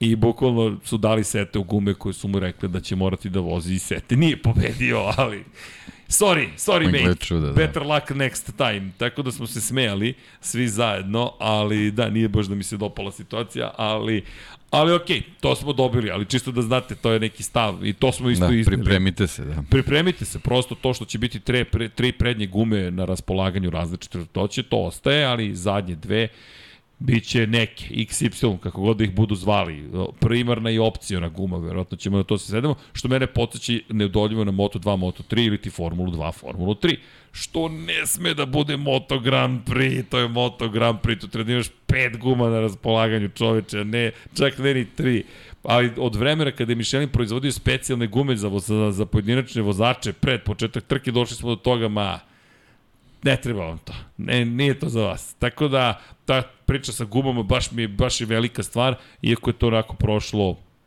usput, samo saopštenje za javnost i kraj priče, ali setite se ovoga što smo pričali, Lab 76, koja je ovo verzija? 208, 207 će biti sutra, Formula 1 smo morali da, da odložimo, izvinite, i oče smo malo smo vozili duže, o, tako da je tako da mi moramo da bude pomeren Lab 76, ali bit ćemo mi sutra na programu. Deki, da, inače, ko prati Luku i Kuzmu i košarkaški podcast, ne zamerite, upali smo im, što kažu, u termin, ali su bili drugari cool i rekli su, nema problema, samo vi lagano. O, tako da, pošto je studio prilično zauzet, više nema, ja mislim da slobodnog termina nema, čak ni za nas. Tako da je postalo zanimljivo, ali Deki, ne znam da ćeš biti sa nama, pozivam te ako budeš imao Liverpool ne igra ništa. Ne, ne, ne, nije Liverpool. Ne. e, okej, okay, ne da. mogu da ispratim više šta ko igra, ali dobro. Tako da je situacija vrlo zanimljiva iz te perspektive. Još par dana i zvanična gotova futbolska sezona, tako da... Yes! U stvari ne znam kako to zima sa mnom, ali okej. Okay. šalim se, šalim se. No, činjenica da, eto, da, da, da je bio zanimljiv Zarkov eksperiment. Pohval inače za Joana Mira. Joan Mir da. za dve stvari. Da, četvrto mesto koje trebalo bude peto, pa je, ali poklonio još jednom čoveku mesto, ali baš je bio borben u Suzuki-u. Pa vidi, borben... generalno prva četvorica što se mene tiče ono, maksimalne ocene, osim eto mali minus kod Zarka, zato što ga je pobedio roviti klubski kolega. I, i to je sve, ali apsolutno, recimo, ako su četiri desetke, eto Zarko je neki deset minus, ali desetke svoj četvorice što se mene tiče, posebno za Mira, naravno to je onako, preko veze dobio. preko da. veze. Da. Ali stvarno preko krenuti veze. sa 17. pozicije. Mislim, to u stvari nam samo, samo govori koliko je Rins možda mogao, mogao da bude dobar i ponovo ista priča. Loše kvalifikacije kvare sve, apsolutno ne postoji ovaj ne postoji način da, da, da, da izvezeš svaku trku na ovaj način kako što si ovo, ovo je bilo super i ono što je, što je bitno, što pokazuje da se Suzuki ne predaje bez obzira što ovaj, što odbrojavaju trke do, do, do kraja ovog stinta u, u Moto Grand Prix-u, ali, ali definitivno će do kraja sezone dati sve od sebe da, a, a vidi se da su i vozači motivisani, što je, što je isto jako važno za, za šampionat. Da, inače Ken Kavauči, tehnički direktor Suzuki, je potvrdio da su novi delovi stigli. Oni su ih prekriče testirali. Bukvalno su testirali nove delove. Dakle, mi govorimo o Suzuki koji apsolutno uopšte ne posustaje po pitanju razvoja motocikala. I Ken Kavauči koji je dosta umoran. Tačno se vidi na njima da, da ekipa mnogo naporno radi da bi došla do, do, do rezultata. I vidi se... Pa dobro, to je, to je ona jafanska filozofija i to je neki njihov ponos. Oni će stvarno do poslednje trke da, jer budžet za ovu godinu je opredeljen, oni, oni će ga potrošiti Tako je, ne, tu neće i biti uradit će sve što treba, ali jako zanimljivo, ja sam našao na par mesta neku izjavu Davida Brivije koji je, koji je sugerisao kako bi bilo lepo da neko kupi kompletan tim Suzuki zato što su jako dobri, homogeni, vredni, radni i, i šteta je da se taj, ta ekipa ljudi Raziće. raspe. Da. Tako je. Da. A on je pravio Da. taj tim. I ono, stvarno super sugestija za nekog ako postoji ono što smo prošli put pričali, mogućnost da se neka velika fabrika ovaj uključi u, u čitavu priču, zašto kretati od početka kad ovo Imaš može tim. samo da se rebrandira Plug praktično. play. Da. Bac, I bac. opet, opet dođem na Formulu 1, to su Formule već odavno rade, to je tako je. već poznati recept. Dođeš U kupiš Moto Grand Prix bukvalno svi kreću od nule i to je jako puno i vremena i novca i svega iziskuje. Ovo je prilika da bukvalno uzmeš know-how, obojiš u tvoju boju i to je to. Hmm, sad mi daješ ideju. Da.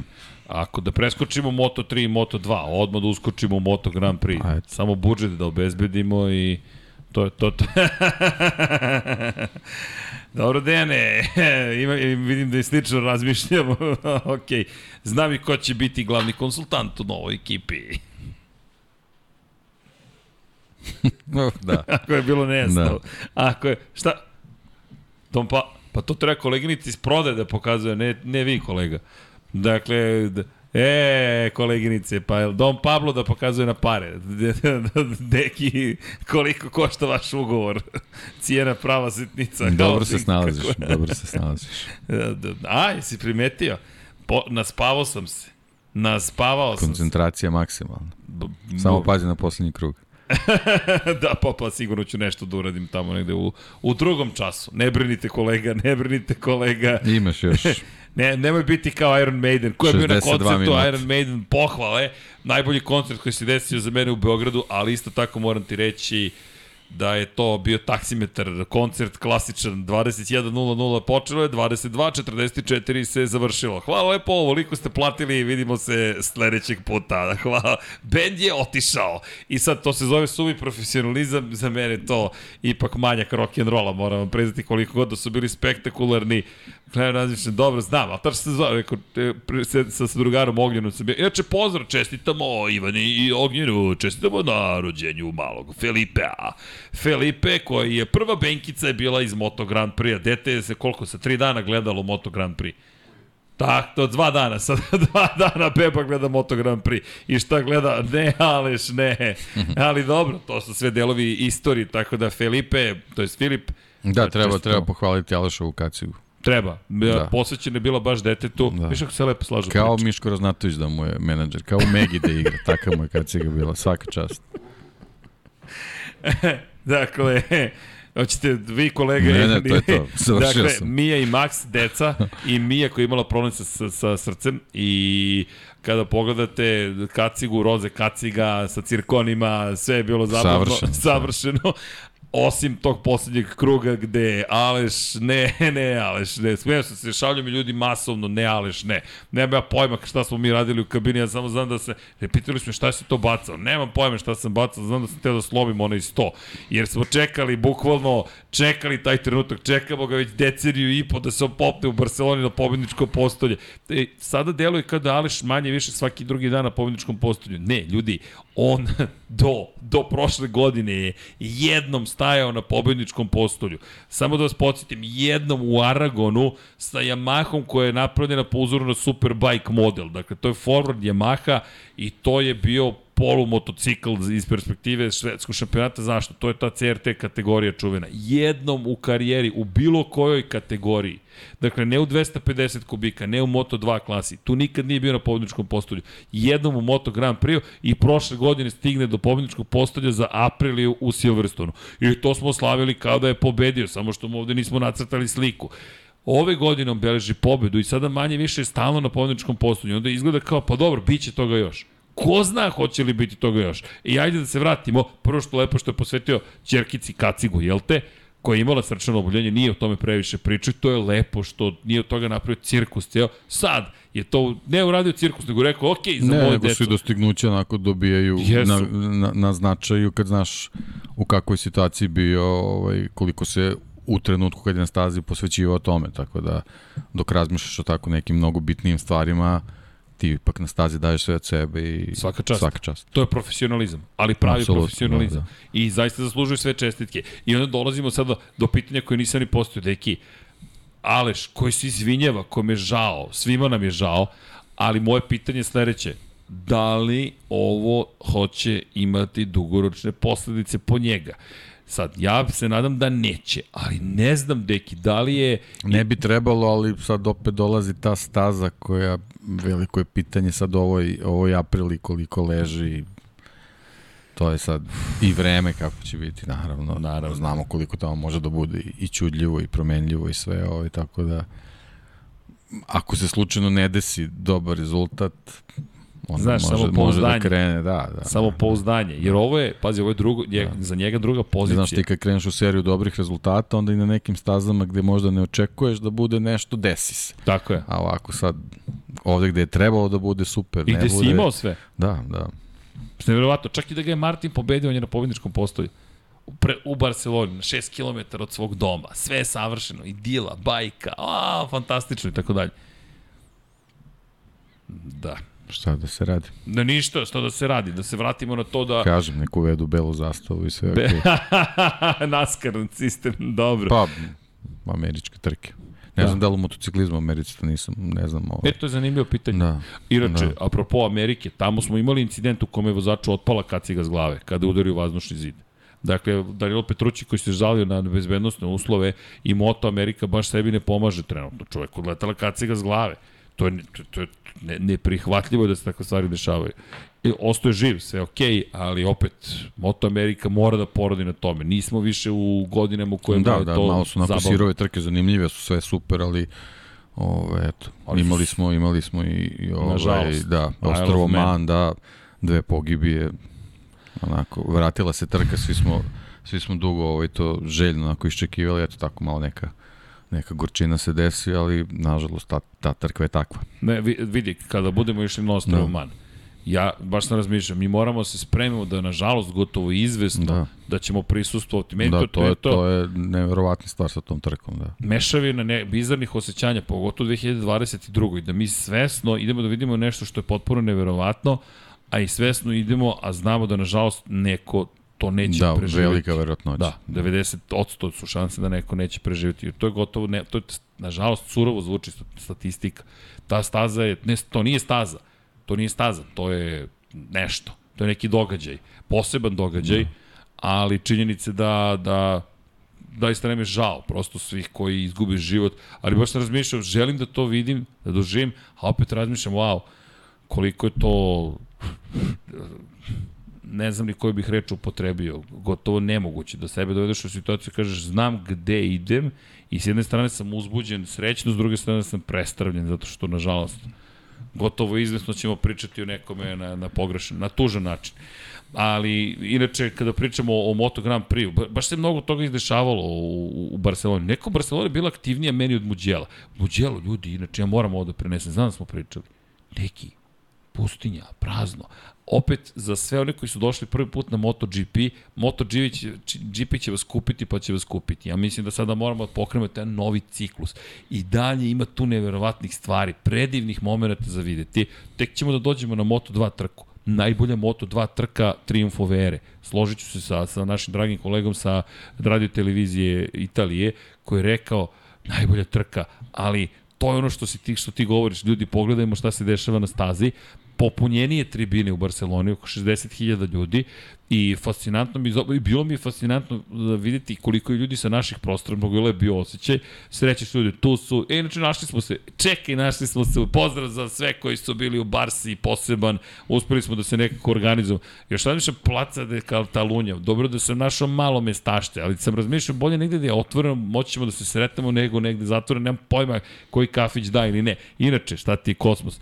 Ekipa koja, tu su nam gospodin Toškov, i tu nam je gospođica Očigrija, inače, gospodine Toškov sam sreo u Barceloni. Ne znam da li znaš. Sreo sam uh, i u Nici. Mladu damu sam sreo u Nici. Srećemo se tako po raznim četim delovima sveta. I gospodin Petković je tu negde, uh, moj imenjak. U svakom slučaju, pozdravi za njega, koji bi poslao poruku, ajde da se nađemo u Irish pubu. Pošalje mi u pola pet. Mi se nađemo inače u pola devet sa, sa ekipom ljudi koji su ljubitelji Moto Grand Prix-a na placa da Katalunja. I kaže jedan momak, ajmo na ovu stranu, ajmo na sever, ajmo na sever, nema pomenje. I vrtimo se, vrtimo, vrtimo, cele Barcelone. I uđemo u Irish pub. I ja njima napišem pametnjaković, čekamo vas. kao tu smo na mestu koje ste predložili. A shvatio sam da smo na mestu koje ste predložili u momentu kada smo ušli u to seli, čekaj da vidim gde su oni.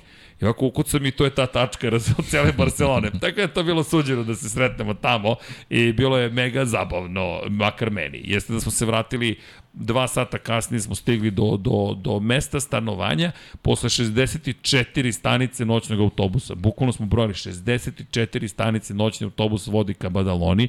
Inače, haos tamo, neću da otvaram te teme, ali dolazimo u Badalonu i svi pričaju o košarci i možeš da misliš koja im je bila prva tema, rekao ja, ne, ja se ne razumem u to, meni, ja ne, za, ne, za, za, ne zamerite, ja mogu da vam pričam o brm brm, što bi rekao gospodin Đankić i to je bilo to. Aha, A ovo, rekao, ni, no me gusta, nisam zainteresovan, tako da je bilo zanimljivo, tu pa da oni smo bili.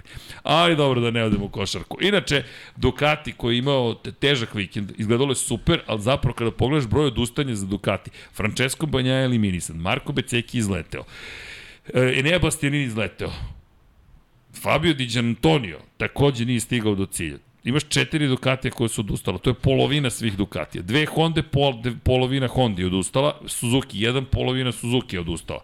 I kad boš dosta odustajanja, 17 vozača stiglo do cilja i moram, iako bi trebalo da idem redom, vratit ću se, ja moram da vam istaknem nešto što mi je mnogo tužno, a istovremeno mnogo me zabavilo, a to je trka koju niko nije video. Dorna inače mislim da je svesna, moram da, im, da ih pitam da li ste svesni koliko ste propustili akcije na samoj stazi, vašim fokusom na jednu osobu, ne znam šta je, koja je obsesija jednim vozačem, u ovom slučaju Alešom Espargarom, uopšte niste, inače izbacili su na, na, na plaćenom delu MotoGP.com bitke koje niste videli. Moje pitanje, a zašto ih nismo videli? I onda prelazi, to jest bukvalno kao da je neko montirao Remy Gardner, onda jedan potez Remy Gardnera. Ljudi, trkanje, za desetu poziciju u Barceloni je jedan od najćih spektakla koje smo mi mogli da vidimo kroz naše prozorče koliko smo mogli da vidimo. Ja znam da to niko živ nije video, ali Alex Marquez je imao takvu tuču sa Remim Gardnerom, sa Derinom Binderom, s Frankom Morbidellim, sa Jackom Millerom, da je to prštalo. Da, doći ćemo do Jacka Millera, ali samo hoću da kažem, ljudi, nas dvojica ovako virimo kroz prozor, samo da vidimo njih u, u, u tuči bukvalno, jer to niko ne vidi. A oni izleću iz poslednje krivine, tu, tu, tu, tu, tu, samo jedan pored drugog, i ovako se šire, kako idu niz startno ciljni pravac, samo se šire, pri čemu Derin Binder super agresivan, kao neki komarac koji pokušava na svojoj Yamahici nešto da uradi. I ti ga gledaš ovako gledam, Jack Miller je ispred njega. Halo, to ne treba da se dešava, to se ne radi, jednostavno ti si, ti treba da ostaneš iza. Ne, Derin Binder ovako u, u šteku, bukvalno, izlazi iz poslednje krivine sedi mu na leđima i vidiš na, na, na, na, na, prosto na tajmingu, vidiš da su to hiljaditinke u pitanju. I onda smo nas dvojice provali dobar deo, vidiš preko stola, nije, nije baš tako jednostavno doći do, do, do, do, do tog nagiba, I ali, ali to gledaš, komentarišeš Jorge Martina, Aleša Espargara, super, okej. Okay. Ali, od 24 kruga, pa dajte nam tih 5-6 krugova na sredini trke. Šta su oni radili? Meni sad žao što samo znam šta sam kroz prozor uspeo da vidim, a nažalost, pošto To je prosto takva konfiguracija staze. Ti znaš, pada prva krivina ovako, ne možeš da vidiš u prvoj krivini šta se dešava. Ne, daj Bože, kamera da je okrenula, ka, panirala ka njima i rekla, ej vidi borbu za deseto mesto. A u Muđelu su pratili neku borbu onako, kao pratimo. I razmišljam, Halo, ko je, šta se desilo ove godine? Gde ste promašili suštinu trkanja? Ja mislim da su oni u panici, toliko je mali broj gledalaca bio na stazi, da oni sada pokušavaju da, da fokus bude na jednoj na zvezdi. Kao Marka Markeza što prate za četvrto mesto u Herezu, Aleš Espargaro prolazi treći, niko živi nije video. Njegova porodica videla sa tribina, mahala mu otprilike. Ali to je vozač Moto Grand Prix klase, nije Red Bullov kup Novajlija ta trka, meni je žao što, što to ni, ne, ne mogu da opišem. Deki, izvini što, što, što Ne, tužim, okej. ali to je toliko uzbudljivo. Imaš Aleksa Markeza koji se bori za Hondin ugovor. Imaš Remija Gardnera, dakle, inače dvostruki šampion sveta Alex Marquez, bez obzira što ga svi često posmatraju kao nekoga ko pa dalje je trebalo u Moto Grand Prix. Pa naravno da je trebalo, čovjek ima dve titule. Ja sam rekao, njemu je najveći problem što se preziva Marquez. Bolje bi bilo kao Emilio Estevez, jel te, i Charlie Sheen, da se drugačije prezime, da uzme mamino prezime, bukvalno, više bi ga poštovali. To je čovjek zaslužio poštovanje, dve titule, ne osvajaš, desile su se. Ne. I onda ide Remy Gardner, još jedno zvučno prezime, titula jedna u Moto2 klasi. Derin Binder, zvučno prezime, Borazir je šampion. Franco Morbidelli, čekaj, Franco Morbidelli je fabrički vozač Yamahi. Derin Binder ga je pobedio. U direktnoj trci, u svom devetom nastupu u Moto Grand Prix klasi. Evo, Derine, de, Derine Bindere, izvini za svaku sumnju. Mada, moram da, da, da, da, da nas pohvalim, rekli smo, polako s osudama na račun Derina Bindera.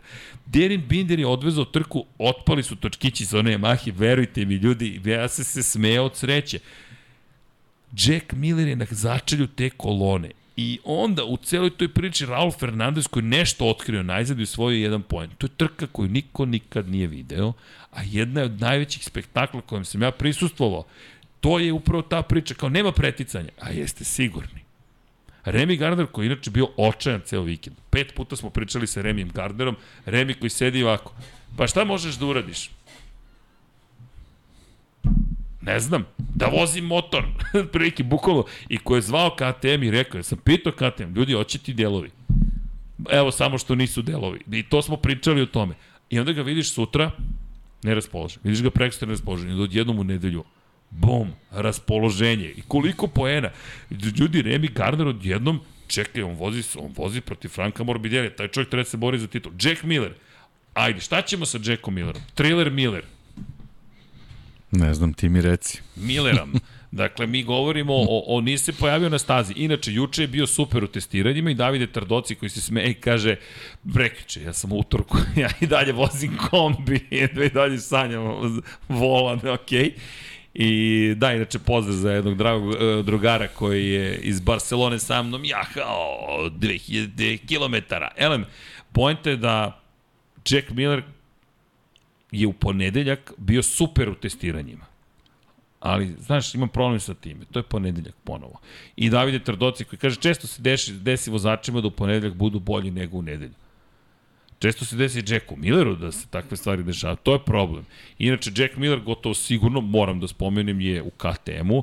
Inače, jedna od naših koleginica, neću reći navukla, ali pošto smo, jel te, ova forma nam to dozvoljava, je na tanak led dovela Francesca Banjaju. Još uvijek nije bilo potvrđeno da Jack Miller odlazi iz Ducatija i pitala je, Peka je pitala šta misliš ko će biti tvoj novi klubski kolega i Peko koji odgovara, saopštit će mu su, su, tad i tad, ja razmišljam Peko, ne, ne Peko, ne. I ovako svi kao, ok, upravo si potvrdio da Jack Miller odlazi. A, to su stari trikovi novinarski, Peko još tu ima da uči kako stvari funkcionišu, mora još malo kod doktora da ide da mu, da, da, mu, da ga nauči, ali tad smo dobili potvrdu da Jack Miller odlazi, kao da nismo znali, i Jack Miller koji je na debriefingu rekao, pa dobro, to je samo bilo pitanje trenutka, mi verujemo da ide u KTM, Miguel Oliveira da samim tim odlazi iz fabričke tima, rekli smo Tech 3, nema šanse da se Ne, on je, on je ono, potvrdio nema, nema šanse da, da, da se vrati u Tech 3. I, I nema razloga. Da. Ne, e, ja, ja, sam, ja to pokušao sam to u prenosu da prenesem, ali moram da fotografišem domaćinstva. Da moram da napravim serija, galeriju domaćinstava u Moto Grand Prix. Ljudi, KTM-ovo domaćinstvo se sada zove MotoGP World i visoko je poput ove zgrade u kojoj se mi nalazimo. Otprilike toliko je. Zašto zove MotoGP World? Zato što su u Formuli 1 ga koristili i tokom covid su hteli da se zapravo objedine svi vozači. Izvalo se F1 World i imali su praktično kao celu prostoriju u kojoj sede vozači. I kada se to domaćinstvo vratilo u Moto Grand Prix šampionat, inače njima je pakao, samo pakao. I njima je vrlo teško da iskombinuju Formulu 1 i Moto Grand Prix, jer se dele resursi. I ljudi koji rade u Moto Grand Prix rade i u Formuli 1 i sve više ljudi koji ne mogu da postignu zapravo da isprate jedan i drugi šampionat. Čisto digresija, ali da znate. Elem, to domaćinstvo se vratilo u Moto Grand Prix i onda im je palo pamet, ajmo da zadržimo ovo. I zapravo, kada uđete u KTM-ov, to jest Red Bullovo domaćinstvo, imate fotografije Ducatija, imate fotografije KTM-a, imate fotografije svakog vozača koji ima zapravo, koji je zaštitno lice Red Bulla. I razmišljam, ulazimo i vidim na elektronskim, na elektronskim zapravo panelima Peko Banjaje. Razmišljam, smo ušli u KTM ili smo ušli u Ducati. I pitam baš domaćina i on kaže, ne, ne, ovo je MotoGP World, tako se zove. Da, zvanično ovo koriste predsednici fabrike KTM-a, ali je MotoGP World. I sad, to ogromno čudo koje ima gore i ne penthouse, nego galeriju gde se sunčate, bukvalno samo što nema bazen, je mesto gde ste vi fabrički vozač KTM-a. Teh 3, Teh 3 ima servisni, servisno domaćinstvo. Bukvalno, to je ljudi jedan kamion, I, ne, i koliko god je nama to dovoljno, jer smo, ne znam kažem, skromni, željni Moto Grand Prix-a, za vozače to jasan signal da si ti otišao dole u rangiranju. Raul Fernandez ne može da podnese što se nalazi u teh tri ekipi, to ne da ne krije, nego je to vrlo jasan. I povratak iz fabričkog tima, iako su to fabrički motocikli, verujte, nije povratak. Teh 3 je sveden sada na jednu malu ekipu, koja se ne pita previše. I to sam komentarisao i bitno mi je to istaknem ponovo, zašto nema šanse Olivira da se vrati. Ljudi, s razlogom neće da se vrati. Verujte mi, to je kao, vidi se razlika u bogatstvu u bogatstvu bukvalno se vidi razlika i nemaš potrebe tamo da budeš, verujte, niko ne juri da uđe u teh tri domaćinstva. Niko. Nije red tamo. Ispred KTM-ovog ne da je red, nego sve zvezde ulaze u KTM-ovo, to je Red Bull of MotoGP World. Tako da nema šanse, čisto da prenesemo tu informaciju, to što na stazi su možda izjednačeni. To je samo, samo na stazi, a čak i tu je pitanje, jer Remy Gardner je kasno dobio nove delove. Tako da, Miguel, ti si našao vezu između Miguela i Da. Gresinija. Pa dobro, veza. Nije veza, nego jednostavno možda eto da, može da pomogne u toj čitavoj situaciji. Jed, jedan od bitnijih sponzora Gresini ove sezone portugalska kompanija. Nalazi se na, na donjem delu motocikla, Tako da ovaj, čak i zvuči ko skraćenica Olivirinog prezimena, tako, tako da on, on u toj, toj priči sigurno ima, ima backup i zato je prvo tamo i bio na pregovorima. Mislim, čuo sam da je išao, on, videli su ga yes. na raznim mestima ovaj, kako, kako razgovara i pregovara, ali Gresini eto, ima, ima tu neku priču. Ovaj, priču i Gresini čak ima ostupnicu ukoliko Enea ode da, da, da ovaj, dobije jednog kvalitetnog vozača i pritom zadrži i bitan deo sredstava koje Gresiniju definitivno treba. Mislim, kao privatna ovaj, ekipa svaki budžet koji je koji u ovom trenutku može da se obezbedi je, je značajan. E, ali ja pazi, gledam i oni su sa Federal Oilom već dugi niz godina u saradnji. Da. I Federal Oil, to, to se ne vidi toliko, ali Federal Oil ima mnogo gostiju na svakoj trci. I Federal Oil, iako je mali badge, nekad je bio Federal Oil Gresini Moto2 tim. To je bio glavni sponsor. I Federal Oil zapravo u velikoj meri održava Gresinijev tim. Da, da Gresiniju zato sad i važno da, da, da vozači imaju dobre rezultate, da su stalno u prvom planu. Jeste.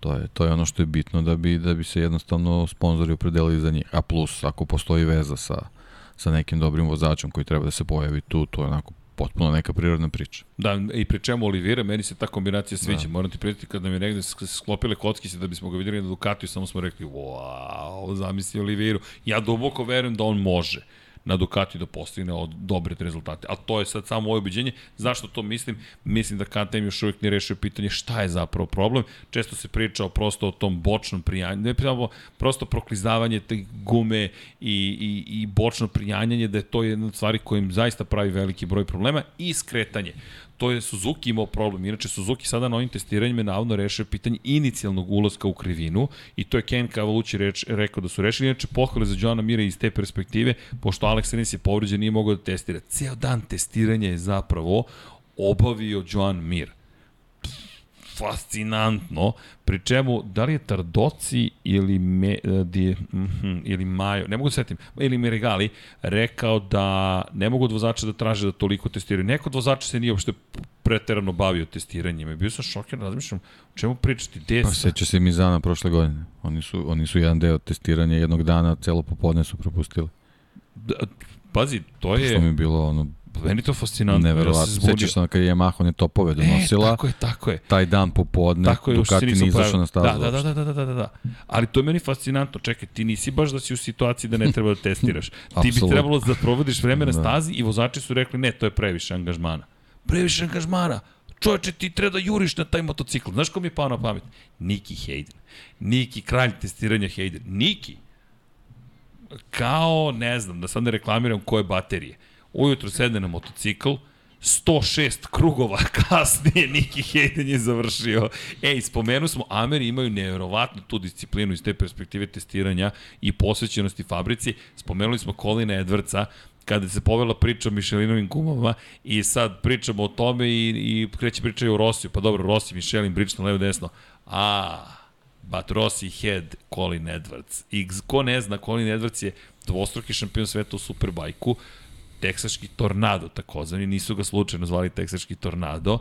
Inače, pogledajte njegov duel protiv Troja Belisa u Imoli eh, za titulu šampiona sveta, to je trka nad trkama svih vremena.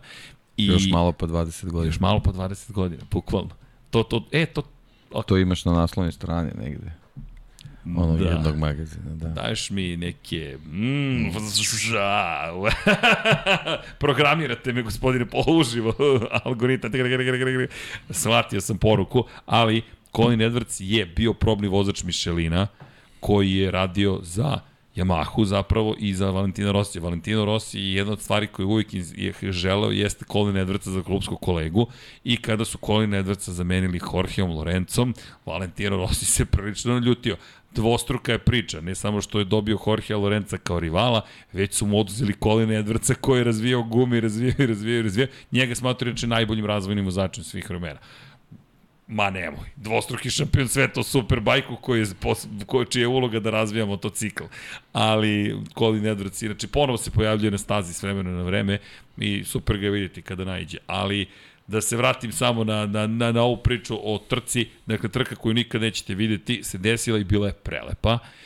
Inače, Miguel Oliveira, apropo, bio deveti, odmah uz Breda Bindera, dobra trka iz jednog i iz drugog, kada pogledamo KTM šta je preživeo, opet standardno Binder osmi, Oliveira deveti i Maverick Vinales na poziciji broj 7 ej, nije loš bio vikend. Na kraju dana 15 sekundi iza pobednika, kada pogledaš koliko je pobednik bio daleko od ostalih, Vinjales je bukvalno samo 4 sekunde iza Joana Mira. Inače, Vinjales je vodio bitku na kraju protiv Luke Marinije, koji je završio na šestom mestu. Luka Marini sve pohvale, zaista kvalitetna trka.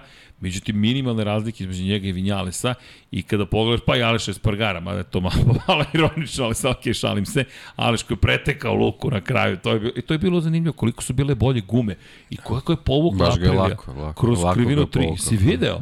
I razmišljam, čekaj, ovo, je, ovo kao da je Moto2 stoji, samo je prošao pored Ducati i nastavio. U kojem stanju su gume, koliko je sigurno sebe, kako radi ta Aprilia, ali pohvale za Maverika Vinjalesa, nije pobjeda, ali je bilo dobro i dosta dugo je tokom vikenda bio na, na vodećim pozicijama, tako da eto, čekamo Vinjales da, da ga vidimo ponovo u nekom lepom izdanju, malo redovnije, ali svakako pohvale.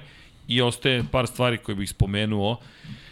Po Jacka Millera, samo da zaključim, ja mislim da on gotovo odustao od cijele avanture zvane Ducati. To mi je zaključak onoga što smo videli. Franco Morbidelli čuva ga ugovor do kraja sledeće godine, pa s nadom da će uspeti nešto da otkrije i dolazimo do Pola Espargara, koji je na začelju završio 46 sekundi da, za pobednika. Da, s raznim padovima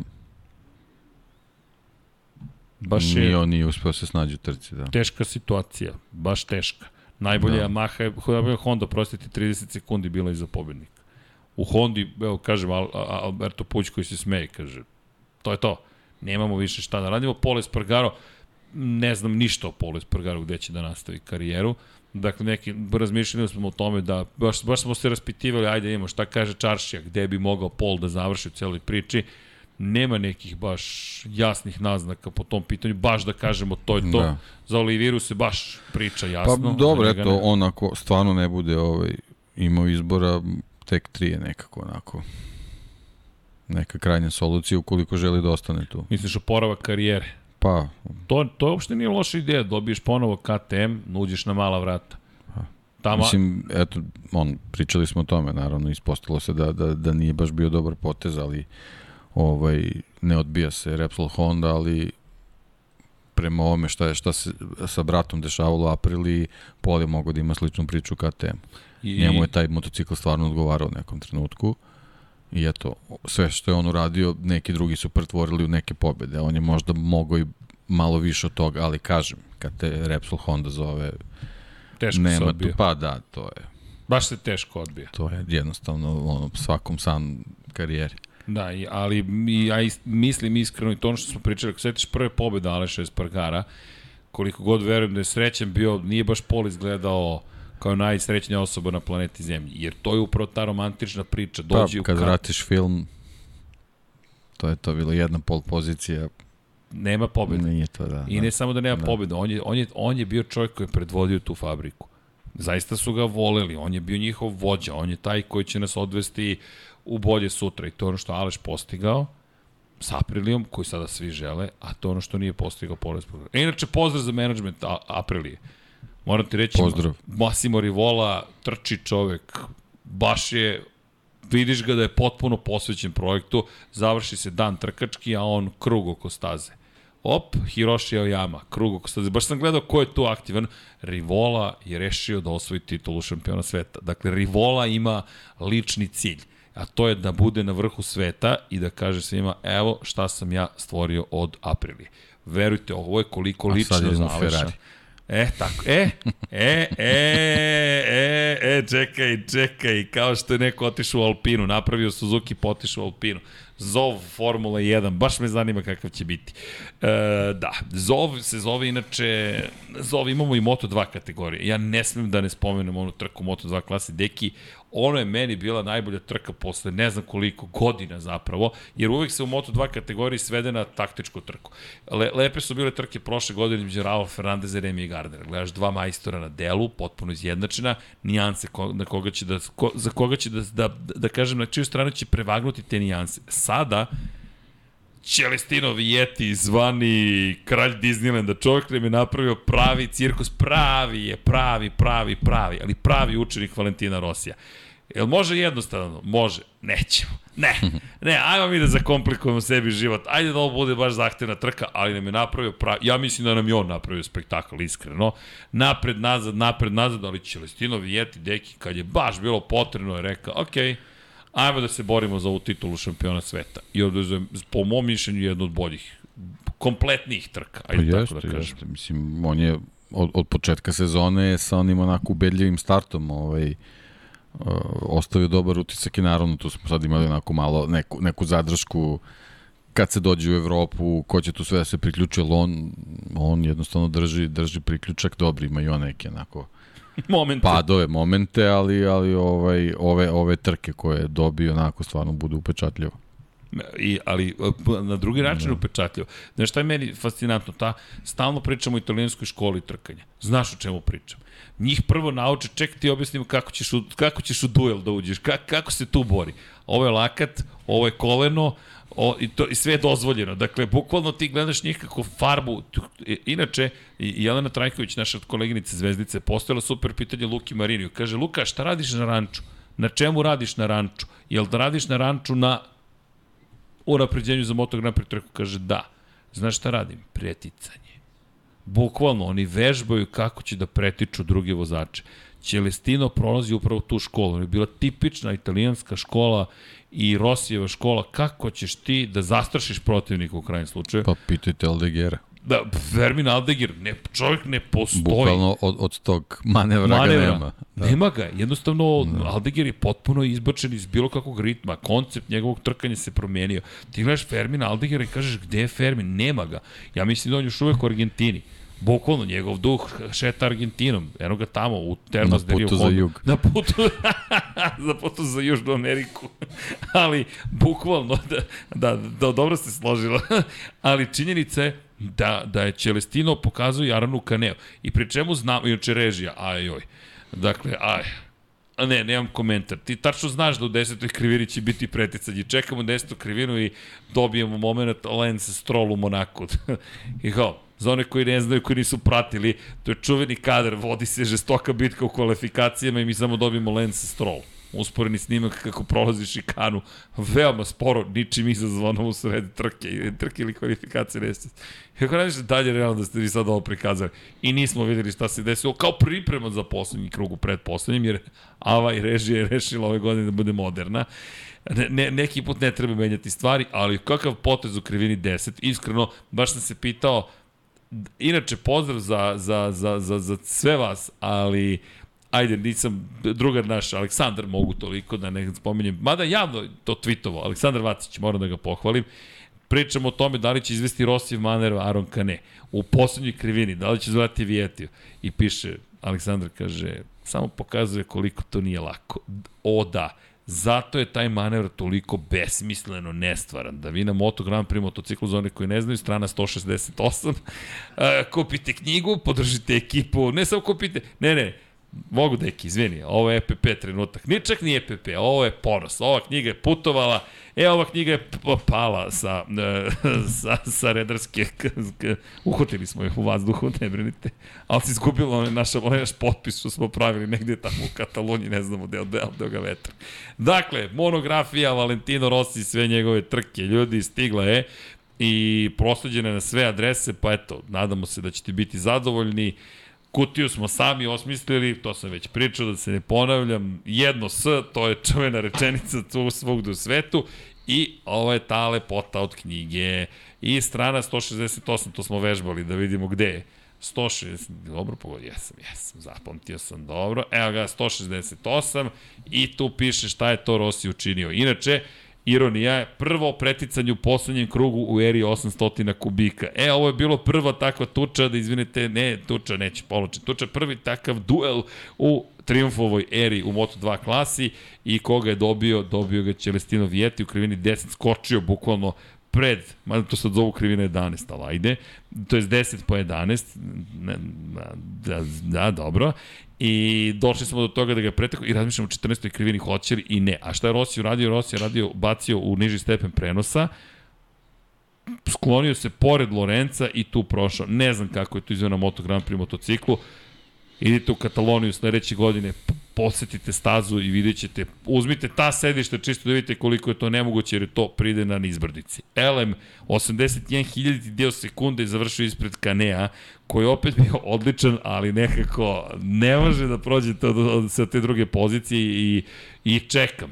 I verujem da svi čekamo, ali odlično je vozio. Pa odlično je vozio, mislim tako treba i da nastavi, doći će i, doći će. i taj, taj triumf, ali njemu je pre svega bitno zbog, zbog te, te šampionske kampanje da, da završava trke na podijum. I uopšte mislim da nema razloga da se opterećuje ovaj sa, sa, sa tim nekim, nekim ciljem, moj posebno zbog svega što je, što je prošao u, u prethodnom periodu i što se tiče Dobar. povrede i tako dalje, tako da Baš je nije sad trenutak da, da žali kao za pobedom ili, ili što izgubio za tako malu razliku ili tako dalje, jednostavno samo treba da nastavi ovako i Doći će to jednom trenutku. Da, ba neće. Ali Gledat ćemo da leptir mašnu i na prvo mesto. Da, i dobit ćemo odgovor na pitanje čemu ta leptir mašna, pošto je odgovor kada pobedim saznaćete. Ok, čekamo da vidimo šta je s tom leptir mašnom. Augusto Fernandez pola sekunde iza. Pa dobro, budi se Vidi, polako. Pa budi. ne, ali mora i onda da zakomplikuje sebi život. Loša pa, kvalifikacija naravno, ponovo. Pa, naravno, da. Standardno već. I Jake Dixon na poziciji 4, ali u jednoj sekundi 4 vozača. Da. Dixon je bio dobar generalno. Jeste. Ok, sad verovatno taj malo management guma, što bi rekli, i, i to treba da se, da se obrati pažnje kad je, kad je takva temperatura kakva je bila, ali dobro, okej. Okay. Inače, Marcel Schotter koji je bio na petom mestu, sekund i po iza pobednika i jedini imao tvrđu gumu. Redko priđemo, pričamo o Dunlopovim gumama, tako će imao Mišelinu verovatno, ali vi zapravo dobijete tokom vikenda meku i tvrdu gumu. Nema između ništa i imate žutu i srebrnu boju. Dakle, i napred i pozadi. Žuta boja je za meke gume, srebrna boja je za tvrde gume i jedini na spisku koji je koristio tvrdu zadnju gumu je bio Marcel Schrotter. I baš da. smo očekivali da vidimo kako će ta guma profunkcionisati odjednom, ali nije toliko igru, nije imala takav uticaj. Da. Prednja guma je imala mnogo veći uticaj. Standardna Barcelona. Da, ili možda, možda njegov neki zaključak bio da će, da će Mekšu možda više potrošiti, pa je kao bila neka sigurnost možda pre nego neki adut za finiš, ali Inače, asfalt se da, topio. pa da, Asfalt da, se, ljudi, da. ljudi, a, pozdrav za Dragana Radovića, snimatelja sport kluba, pakao. Bukvalno pakao. Čovjek je izgoreo na, dole na stazi. Kako uđe u medije centar, uzme flašu vode i siđe nazad na stazu. Vrati se prazna flaša vode, po još vode, po još vode. Na kraju smo mu kupili čovjek, čovjek krenuo bez kačketa. Ja kažem, čekaj polako. E, znaš koji smo mu kačket kupili? Pošto nisam imao više Lab 76. Nikija Hayden. Beli Nikija Haydena. Rekao, nećeš ti navijački na stazu da mi izlaziš, nego dođe vamo da, da, da nosiš Nikija Haydena. On se smeje, čovjek kaže, ok, kaže šta, jer sa 69-kom se okolo šetao. I još beli kačket, ali kačket obavezna stvar, ljudi, da, da, da ne ponavljamo, molim vas, lekcije jedan na jedan, kačket i Dragan, svaka čast, zaista, čovjek je snimao i snimao i snimao, asfalt se zaista topio, nije, nije, nije bilo ne, nije bilo zdravo, bukvalno biti toliko na asfaltu. Dobro, to što mi volimo motociklizam i, i automotosport, ali asfalt se zaista topio, zato smo i se pitali kako će se ponašati gume, ali čak ni to proklizavanje guma. Ovo je staza koja je masna, uslovno rečeno, nije ona bukvalno masna, ali kao da je masna, i kako rastu temperature zaista postaje veoma klizava i tu smo zato očekivali veću potrošnju guma, ali prosto nije se, to se nije desilo, jednostavno se nije desilo i naravno da spomenem po Pedra Kostu u celoj priči i Ajo Guru, negde mislim da je neophodno. Pedro Costa, zaista sam očekivao da može do pobede ovdje, da je pročitao Moto2 klasu, ali još tu ima posle. 6 sekundi ima za pobedu. kvalifikacije. Tako je, tako je, to, to prvo. I imam osjećaj da je ovo staza koja ga je još naučila. Zašto? Drugačije je bilo ponašanje guma u odnosu na Mugello. Mugello ima baš visok nivo prijanjanja, ovde značajno, dramatično pada nivo prijanjanja kako raste temperatura, to se događa i u Mugello na drugačiji način. Ovde zaista je velika razlika u ponašanju guma između Mugello i Barcelone i mislim da ga to čeka, tako da se to loše procenio. Ajo Guru, to je bila dobra procena. Ajo Gura, sad kada je potrebno, Ajo Gura, sedma pozicija, praktično ga opet nigde nema, ali ne brinite, vratit će se, a i čim bude dovoljno daleko u šampionatu od vodeće pozicije, onda će ponovo da počne da se penje na pobednička postaja. Ja mislim da on ne može da podnese taj pritisak. A zanimljivo je bilo, inače pogledajte video na motogp.com, njegov razgovor između Somketa Čantre, on i Somketa Čantre u Barceloni, oni žive u Barceloni i fascinantno još uvijek nisu naučili španski jezik i druže se od njih dvojica i prosto pričaju koliko im je bilo teško, često se to zaboravlja, a to ne smemo da zaboravimo, a to je, dođeš iz neke druge države u Španiju i nama to deluje kao šta super, ušao si u MotoGP. Ljudi, jedan momak je došao sa Tajlanda, drugi došao iz Japana. Kulturološki za šok za njih je podjednak kao kada mi odemo na Tajland ili u Japan. Jednostavno mi smo evrocentrični i mi znamo ovu civilizaciju. Za njih je to bio potpuni šok i osjećaju se veoma usamljeno. Somket Chantra inače teško podneo prvu sezonu, prvu godinu života u Evropi. Nije mu bilo svejedno, ko će mu je non stop nedostajalo. Jednostavno, to su ljudi, to je ono što si ti rekao za Aleša, to su ljudi. On je došao čovjek kući, u svoj kraj. I sad zamislite da se, ne znam, iz naše perspektive vozi trka tu u Beogradu, negde u svetskom šampionatu i ti si na putu se popneš na pobjedičko postavlja. Joe Roberts je od krvi mesa isto. Da, Joe Roberts je od krvi mesa. Sjajna trka. Ja, Sjajna trka stvarno do, do tog trenutka. Da je Joe otišao direktno. Da. Ne, ali, ali isti situacija kao sa Aaronom Canel. Da, da. Ali to smo videli u Red Bullom kupu Novajlija, na primjer. Sa Pedrom Acosta. Muđel, isto, ista priča. A Ovo je već, već treća, treća, treća ove godine. takva situacija, da. koliko znači. Da. Koliko, ali ja mislim da je Joe otišao u drugu trku da. već. Dakle, da je on već računao, ej, čekaj, ponovo smo igre za titulu šampiona sveta, ajmo, da je već otišao zapravo u Nemačku. Da, ali ova pobjeda bi stvarno za, za reputaciju bila mnogo. Znaš, koliko je Portimao onako, Pa, kako bi rekao, splet okolnosti. svega, da ovo bi stvarno za reputaciju mnogo značilo. Stvarno je Odvezao baš je sjajno. bio moćan. Ej, baš je moćan. Baš je izgledao dominantno. Da. Dominantno i prvi njegov pad u I trci. stil ono, i, i, i generalno Sve. sigurnost, sve, Sve. sve je bilo onako Sve. na nivou. A baš je uleteo prebrzo u petu krivinu. I neko me pita kakva je ta peta krivina. Neprijetna. Nije, ona, nije njeno spuštanje ovako. Dakle, ono, imate spuštanje, ali nije problem u tom spuštanju, nego je moment udubljenja kod temena krivine. Vi ovako idete, idete, idete, onda ovako. Samo ako jedan pad tu kod... I tu je zapravo problem. I videli ste čim odu malo šir, čim odu malo šir, ma nema spasa. Jednostavno može da ima klasičan nagib, nema spasa. Gravitacija čini svoje, a tu već kreće spuštanje tamo ka šestoj krivini. Znaš o čemu pričam. Svi se, kada, kada pričamo o padu, nije pad kao što je uspon. Odlična pozicija za gledanje trke. E, Inače, zašto Inače, naš da. dragi Hasan Bratić stoji u petoj krivini u Formuli 1? Zato što se zna, tu ide blokiranje točkova, tu ide izletanje sa staze, tu idu greške. Zamislite u motociklizmu. Inače, šta je super kod pozicije broj 5, to je krivine broj 5. Tako je spojena staza u Barceloni, da ste vi između dva zida koje odvajaju startno ciljni pravac i pogled na krivinu broj 5. Jer kako uđete u prvu, odete u drugu, skrenete gore, pa idete uzbrdo i Pa sad se penjete, penjete, da, do, penjete, do, penjete. do penjanja se vidi sve. Tako je, sve i onda se spustite ono, od čet- četvrta krivina i kreće spuštanje. Vi ste zapravo de facto peta krivina je paralelna gotovo, prilaz petoj krivine paralelan sa startno ciljnim pravcem, to se ponekad ne vidi, ali uzmite, pogledajte samo oblik staze Barcelona i vi, vidjet ćete zapravo o čemu pričamo. Vi de facto vidite sa pete pozicije pogled na prvu, drugu krivinu, startno ciljni pravac.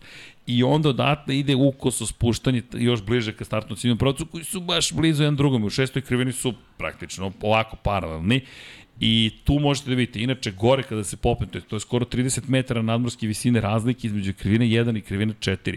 Vi se penjete, penjete, penjete, penjete, penjete, dakle samo da se razumemo, skoro 30 metara. Mi govorimo o nekih 7-8 spratova. Stanite pored osmospratnice jedne, e to je razlika između četvrte krivine i prve krivine u Barceloni.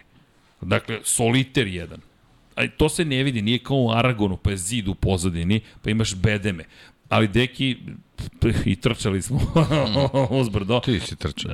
Dobro, neki su pratili situaciju mudro, ali činjenica je da je to ogroman uspon. I sad sve to se manje više vrlo brzo se svede na ponovo jednu, jednu blagu visinu malo iznad startno ciljnog pravca krivina broj 5 i tu je Joe Roberts izleta sa staze uobičajeno mesto za pravljanje grešaka, ali slažem se, srce parajuće. Zaboravih Joe Robertsa, a to ne smemo da zaboravimo. Jao, Joe, Joe, Joe.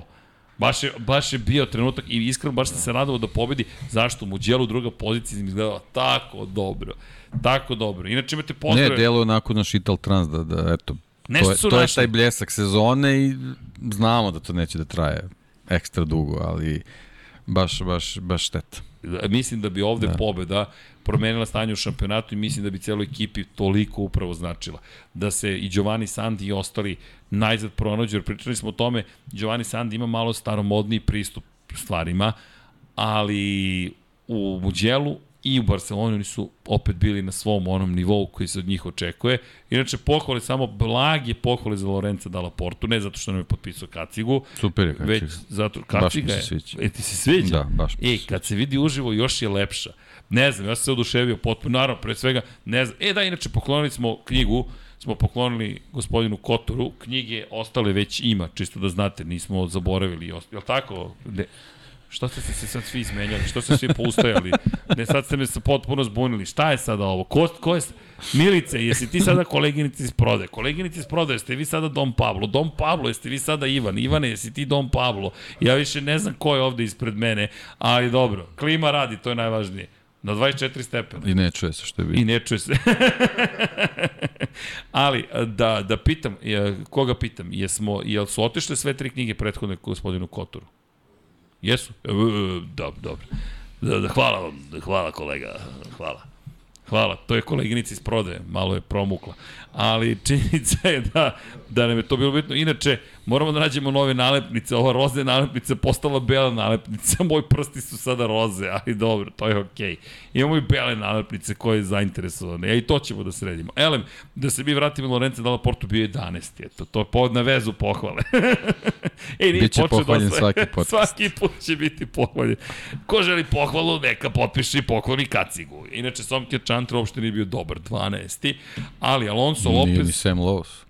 Ajoj, Sam Lowe's. Dobro, Deki, ti baš udaraš danas. Deki Pa dobro, danas... red je da spomenemo. Pa šta ćemo, a Cameron Bobije? Ne, ali vidi se, znaš, Sam onako... E, kao da je ostario. o, a, izlazak iz šljunka i, i govor tela Iskreno, nije dobro. Nikako. Meni izgledao kao da je ostario pet godina u roku od dve nedelje. Bukvalno, veruj mi, deki, od čoveka u Muđelu na početku vikenda i čoveka na kraju trke u Barceloni. Moram inače priznati, čisto eto da podelim iskustvo iz te perspektive. Da Fascinantno je zapravo koliko možeš drugačije da sagledaš stvari ne samo kada si na licu mesta 1, 2, 3 puta, 5, 6 puta.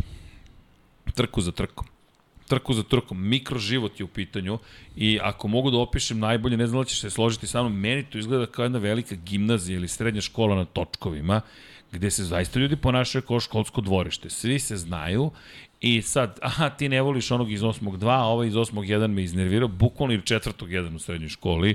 Dakle, tako izgledaju, ali ti tačno možeš da vidiš ljude i ponašanja i kako izgledaju i Sam Lowe izgledao zaista kao da je ostario i mislim da će mu i tekako prijeti kad odu na letnju pauzu, ali nisam siguran šta iz perspektive njegove karijere već ovo počinje da znači.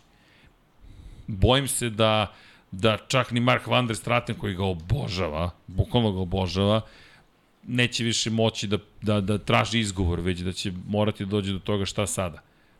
Kome sada dati priliku? Jer Sam ne može da iznese ono što se od njega Derinu očekuje. Binderu. I to je dobar predlog. To je, to je baš dobar predlog. Hvala. Ne, deki, šta sam je rekao? Konsultant. Jao, sad kad napravim specijalni video na engleskom. If you're considering a special MotoGP consultant, uh, please contact us at management at infinitylighthouse.com. Imamo za vaš čoveka. Što se ja smejem svojoj šali, ne znam. Zato što Deki neće da se smeje. Pa remeti ovde uobičajeni pored, ali se nasmeo jedno i makar. Ele, e, kada Imaš još 5 13 minuta. 13 minuta, okej. Okay. Pa da, vidi, ne, ne bih, cijela trka Moto2 se svodi na vodeće. Zapravo i na Celestine Vijeti koji je napravio pravi spektakl. I ko je pokazao kako se Pa ne, imamo kako se brani. Robertsov šok i onda taj drugi deo trke Jeste. koji je bio onako super. Jeste. I ja sam zaista mislio da je sve završeno kada je reč o, o Joe Robertsu. Ushićenje, šok i zabava. To je. Eto, može, tako. može, Pa da. to, to je neki potpis. Ovde svi odoše. Ne, Joe, ne. Ne, Joe, ne. ne, Joe, ne. Ne, Joe, ne. Ćao. Aha, ne Johne, a ne Johne. Neki ovde... Home run. Drugari, bilo je zadovoljstvo sresti vas po svetu. Inače, Milica i Ivan su bili na velikoj nagradi Monaka Formula 1, pa smo se onda streli u Nici, a tek to je, ali sve to kosmos. Dopisujemo se i šalju mi fotke iz Monaka. Ja kažem, gde ste? U Nici. Ja im šaljem u Nici. Kao nemoguće, mo- i tekako moguće. Ne veze, pili smo skupe loše koktele, bez alkoholne, ali to je u redu. Dobro, važno da priznaješ. To je. Apsolutno. pa da, kao, može neki bezalkoholni koktel. Ovo je preporuka, super. Bilo je super. pa, povozili smo, šta da radite. Uh, ugodan Uživajte. dan. Sledeći put se srećemo gde? Red Bull Ring. može, može. može. I, i, i, i Mizano, i Valencija, i Aragon, i dogovoreno. Ma, sve može. Drugari, laka vam noć. Elem, pre nego što mi Deki pobegne, konsultant je pokazao na sat i to, je- to bi bilo to. Dakle, imamo još jednu trku. A pazi, moram ti predstaviti da mi mnogo prijaju klasični vikendi. Ne znam za tebe, ne znam za vas, ljudi, kako je vaše mišljenje, ali Moto3, Moto2, Moto Grand Prix je meni vrhunac doživlja. Zašto? Ne razvodni se ceo vikend. Odjednom Moto Grand Prix se završi i sve onako slegne. E, čekaj, Moto E. Okej, ajde Moto E, nešto no, okej. Završi se Moto. E, čekaj, Red Bullov kup Novajlija. Pa dobro, je to isto sve podjednako prioritetno kao i Moto Grand Prix? Ne, nemoguće, ne može tako. Moto E, ja mislim da treba da ostane pre trke Moto 3 klase i da bude jedan lep uvod u trke koje tek dolaze. Jer ovako, kao da te neko tera posle vrhunca vikenda da radiš, ne da radiš kao posao, to, to, to je ljubav što, što, što mi radimo, nije to, nego kao da Pa dobro, ali nekako Ljude teraš da se ostane, ponovo ostane uzbude. malo gripa, znaš, na stazi. Znaš, oni da su prvi, teški su. Da znam, deki, uh. ali imaju warm-upove. Da, pa imaju, da, ali imaju trku bez, bez kruga za zagrevanje i to. Možda ovako malo praktičnije. Praktični jeste, ali, Možda, ali ne nekako ne emotivno znam, da. gledam, neko te podigao na A dobro, vrhunac da. i onda te zvekneš dole, isprazniš, i ska- e sad idemo ponovo.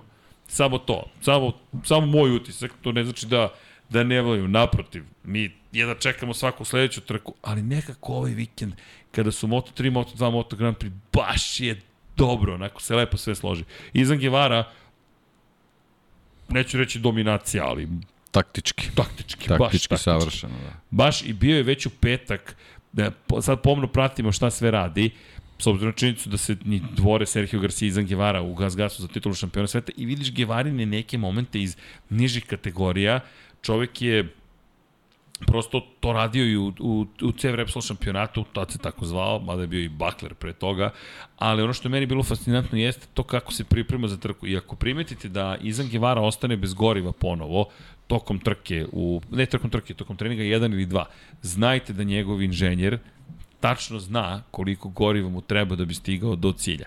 Oni bukvalno rade na tome da se pripreme tako da bude minimalna količina goriva na kraju trke kod Izana Gevare. Stoga ćete ga često vidjeti kako ostaje bez goriva i obratite pažnju na taj detalj s obzirom na činjenicu da oni rade u milimetar precizno. Ako se setite Tita Rabata, na tome podsjetilo je njegovog poraza protiv, koga je bio pobedio, Tom Luti. Tom Luti u Valenciji 2000, ja mislim 14. kada je bio šampion sveta Tito Rabat. Tito je morao zapravo da se tako brani protiv Toma Lutija između krivine 1 i 2 da je na izlasku iz krivine 1 nastavljao da skreće u levo i onda da se vraća na desnu poziciju da za ulazak u krivinu broj 2 kako bi defanzivno vozio pri, pri, u pri prilasku krivini broj 2. Ta skretanja blaga i nešto duži put od krivine 1 do krivine 2 su doveli do toga da do kraja trke Tito Rabat potroši gorivo. I na izlasku iz poslednje krivine u Valenciji, kako dodaje gas, odjednom staje motor. I samo Tom Luti, ok, Aleš, hvala ti na tome, ali i samo prolazi i, i samo pokazate koji detalji su bitni i, i to je otpilo na poto kad sam uočio to. To uopšte ne prikazuju, nego, pošto sam otišao, inače hvala gospodinu Kotoru do, do gostoprvenstvo, kaže Džanki, pozvate Kotor na prvi trening. A, da, ako kažeš nekome, da li mogu da dođem kod vas a, u garažu za trening broj 1, ok, a, to se zove samo pozivanje flagrantno, klasično nogom u vrata, otprilike, i čovjek je rekao, ma ne, naravno, dođi, nema nikakvih problema. E, ali to je mnogo lepo osjećaj, to moram da podelim. Ulazim u, u garažu Leoparda, ju- jutro je petak, je trening broj 1. I sad, trening broj 1 zaista je, je opušten, opušten, bitan je, ali kažem, podešavaju se, nije htio da mi kaže Kotor šta se radi, sam ja gledao šta oni rade, šta rade drugi i vidiš da se bave zapravo, jer mislim da i nije pristojno da sad pitam čoveka previše, s obzirom na činjenicu da eto, to što smo u prilici da s njim razgovaramo na neki drugačiji način nego s bilo kojim drugom šefom ekipe, ne znači treba zloupotrebiti situaciju. I gledamo šta podešavaju, odnose od brzina. I ja se smijem, dobro, vi znate da podesite odnos brzine. Ne, znamo, znamo. Rekao dobro, jer uvijek idu ka maksimalnoj brzini. I, i Kotor koji stoji i sad ja hoću kažem moram da slikam šta vi to gledate jer svaki put izgleda kao da je čudo ispred vas jer svi ovako gledaju gore one monitore. I onda vidiš monitor koji vidi publika sve isto. Ima jedan international feed takozvani. Imate monitor poredak vozača monitor 2 nastavak poredka vozača i onda ispod toga maksimalne brzine prolazna vremena i onda isto to ko je poslednji prošao kroz liniju cilja, njegovo vreme, najosnov, najosnovniji podaci i sa, na četvrtom mestu je po rednim brojevima poredak vozača i njihovi prolazci po sektorima. Manje više ko ima aplikaciju za tajming ima sve. Sve isto ima. Ali to izgleda tako upečatljivo. Svi stoje ovako i I, i, i, i, ne, moram da, zaista želim da podelim taj moment. Ovako stojim pored čoveka, sad pričamo nešto, sad ajde budem bar pametan nešto, kažem, a vidite sektor 2 i 4, jeste, jeste, sektor 2 i 4, Rekao, o top, pogodio sam, nisam ispao glupo društvu, i ako stojim I gledam, rekao, ja moram ovo da fotografišem. Rekao, uvijek izgleda kao da gledate nešto mega tajanstveno. On počinje da se smeje, kaže, slika i slobodno, sve je okej. Okay. Onda se slikao njega, slikao da pokažem taj moment i ne shvataš da je tu kamera i da ti stojiš u potencijalno šampionskom timu. I ako gledam, rekao, i vidim sebe na monitoru, rekao, ispravi se, don't slouch i slične stvari. Mnogo lepoći, samo hoću da se zahvalim, jer nikad mi na pamet nije palo na pamet, nije mi palo na pamet. To, stojiš pored čoveka i to tako izgleda bizarno, ne shvatiš da ovo su sve ljudi. Znaš, još jači utisak toga ljudskosti i sad dolazi vođa, vraća se Suzuki i kao, možeš samo da se skloniš levo, nije baš velika garaža. I ja koji se stojim u šteku oko za strane u ćošku, otprilike kako ne bi ljudima smetao sa svojih 1,90 i 100 kila, malo više, ali dobro, i rekao, ok, mnogo lep trenutak i ti znaš o čemu pričam, ali to je taj jedan divan moment i, i gledam i vidiš zadovoljni su jer su brzi već na prvom treningu, I ono što mi je otkrio, što smem da kažem, pitao sam ga dobro, odakle krećete? Kaže, podešavanje sa prethodne trke. Podešavanje sa prethodne trke. Ne diramo motocikl kako smo završili prethodnu trku, tako ga stavimo na kamion, iznesemo iz kamiona i sa njim izlaziš na... Prvi izlaz je prethodna trka. Da. I to je to. I tek onda krećeš, ajmo. Podešavanje prednjeg ostavljanja, pred svega prednjeg, naravno i zadnjeg, ali prednje je mnogo bitno zbog kočenja odnos brzina i onda se ide dalje. Odnos brzina, kažete, to sam, i Derina Bindera da. sam pitao prošle. Verujem da to nije primenljivo na Moto Grand Prix. Ne, ne, ne, okay. ne, ne, ne, Moto Grand Prix ma, malo da. drugačiji. I naravno podaci da. od prethodne godine, svi koriste pa, podatke od prethodne da, godine, ali kod Moto Grand Prix-a, ljudi, to je druga, druga, druga vrsta zveri. Druga strana univerzuma. Druga, bukvalno, ej, vidi, to je tamo negde, uh, par svetlosnih godina daleko. Ali apropo šampionskih ambicija, žestok udarac za Denisa Fođu. Druga trka bez poena, Fođe koji je vodio u Muđelu kada je pao i sada kada je mu otkazao motociklu, možda je mogao da se bori za pobedu, među vremenu Izan Givara drugo mesto pobeda, Sergio Garcia pobeda četvrto mesto, Garcia i dalje ima 16 bodova prednosti, sjajna trka Givare. I dalje mislim da će Givara na kraju da bude šampion, to jest da će imati najveće šanse da bude šampion, Neću isključiti Denisa Fođu, ali ljudi, sada za ostatak je 55 poena. Sada mu je potrebno da ne napravi ni jednu grešku do kraja sada sezona. Sada mu je potreban finiš prošle sezone. Tako je. Opet smo tamo gde smo bili prošle godine. Obrnio, kreni, istorija se ponavlja. Mi smo u 2021. i Fođa koji sada mora da krene opet da juri nemoguće. Opet. Inače četvrti u šampionatu. Đaume Masija nije on potvrdio, ni njegov tim potvrdio, ali smo išli okolo po padoku, raspitivali se i svi su ubeđeni jednostavno da, da, da, da me Masiju mnogo uticao na incident sa, sa, sa Umom, sa Sakijem. Ej, pređeš preko živog čoveka, to, to, ne, ne može da ti ne ostavi posledici, tačno se vidi u njegovoj vožnji, bez pojenom u djelu sada na osmoj poziciji, ali dalje u bici za titulu šampiona sveta. I Nikla Sajo, inače trebalo da ima intervju u četvrtak i rekao, imam previše posla oko motora. Namišljam, ok, kada ti neko otkaže intervju koji je toliko profesionalan, to je meni signal da sad nije vreme za časkanje. Sad treba da smo fokusirani, da se regrupišemo i da se... To je okej, okay, da. To je u redu. Ja nemam problem sa ti. Znaš o čemu pričam. Neko je na vreme javio, izvinjavamo se, možemo da pomerim intervju za neku drugu trku. Apsolutno. Nije neko ko se nije pojavio na intervju. Nije neko ko je bio neprijatan na intervju. Meni je to mnogo profesionalnije. Samo bi bio signal, aha, okej. Okay. Pa mnogo profesionalnije nego da bude dekoncentrisan. Samo da bi odradio termin. Tako je. Tako je. Ne, ne, porodica Ajo generalno vrlo mega profesionalna ekipa, ali mi je samo bio signal da, da tu baš ima posla. I pohvale za Tatsuke Suzuki, koliko god smo pričali Denisu Fođi, dva puta za redom treće mesto. Dva puta za redom treće mesto i to je prilično velika stvar, pogotovo što Tacu, ekipa, meni fascinantno bilo, uprko svim greškama, padovima, Kotor stalno ponavlja, dober je Tacu, dober je Tacu, dober je Tacu, dober je Tacu. Ja razmišljam, ali kako, pogledajte, da, dober je Tacu Da, i kako je dobar. I sad je baš odvezao kao da je našao gde je limit tog motocikla. Delo mi je, delovao mi je sigurno u svakom trenutku na stazi, zaista ozbiljne pohvale za ono što je izvezao i naravno za Davida Munjuza. Deki. Ostavio si ga za kraj. Za da? kraj sam ga ostavio. Deki. Druga trka u karijeri. Klinac ima 16 godina. 11. pozicija u Mođelu i sad jednom se pojavljuje i, i kad sam vidio da je ušao u vodeću grupu, polovinom ili kad već trke. Rekao, evo ga. Samo, znaš kad ti se upali ono lampica, sa, verujem to samo previše godina, mnogo godina, ja, mišljam, 44. Znaš kad ti onako stoji kao u filmu, otprilike ovako izdvojen. I ovako gledam, rekao, evo ga. Evo ga, nismo stigli da ga spomenemo u djelu kako dolikuje. Pap, pap, pap, pap, rekao, ovo će sada bude, ako ne pobedi, da, i da je bio Givara bliže, ja mislim da bi Munjuz išao, ne, ne, pobeda, mora da padne.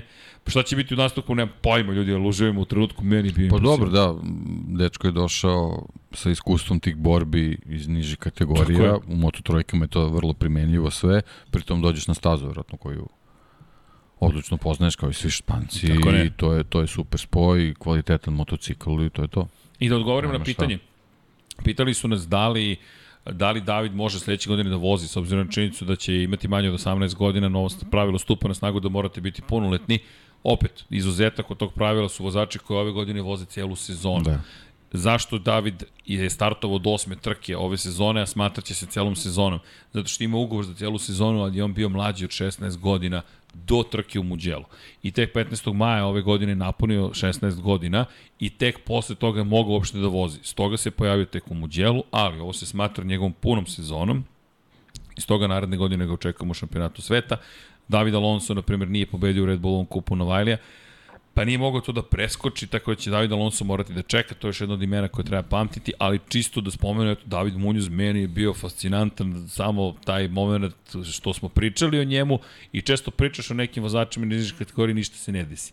Kao što smo, da, na primjer, Pedro Costo pričali, ti si baš verovao u Pedro, ja sam više verovao u Gevaru, ali evo, Gevari pa dobro, treba... evo Gevara, Gevara imao sad samo malo taj neki nesrećni početak karijere, onako sve je bilo malo zbrda dola s tim izborom ekipe i to sve, ali pokazuje definitivno da je on tu. Da, da, ne, ozbiljan da. je vozač, samo što sam, kažem, očekivao, pazi, Gevara u poslednje četiri trke, dve pobede, jedno treće mesto, jedno da, drugo mesto. Da, trebalo je njemu malo psihički da se, da se stabilizuje, ja verujem da, da i taj a Kostin početak sezone prošle godine na njega isto malo uticao, pa kad je, kad je ona, ona čitav onaj haos u Teksasu kad, kad se izdešavao, možda se on tu malo stabilizovao i onda smo posle toga dobili nekog pravog Gevaru. Tako da to je to. Da, vidi, da. još Gas Gas ekipa je veoma iskusna. Munoz, Gevara, onako, momci uza kostu koje treba pratiti u budućnosti. Da, i eto... Što se tiče Španaca, sad vidjet ćemo, naravno, da, naravno. vidjet ćemo iz drugih zemalja na koga možemo da računamo. Ajde, da spominješ da. druge zemlje. Da. Denis Ondžu.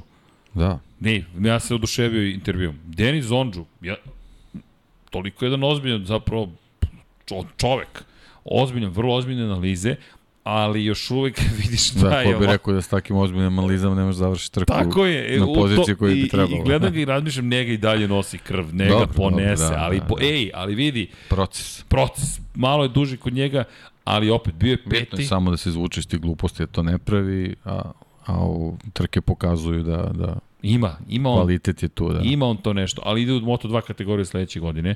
On i dalje veruje da ima neke šanse, teoretski se bori za titulu.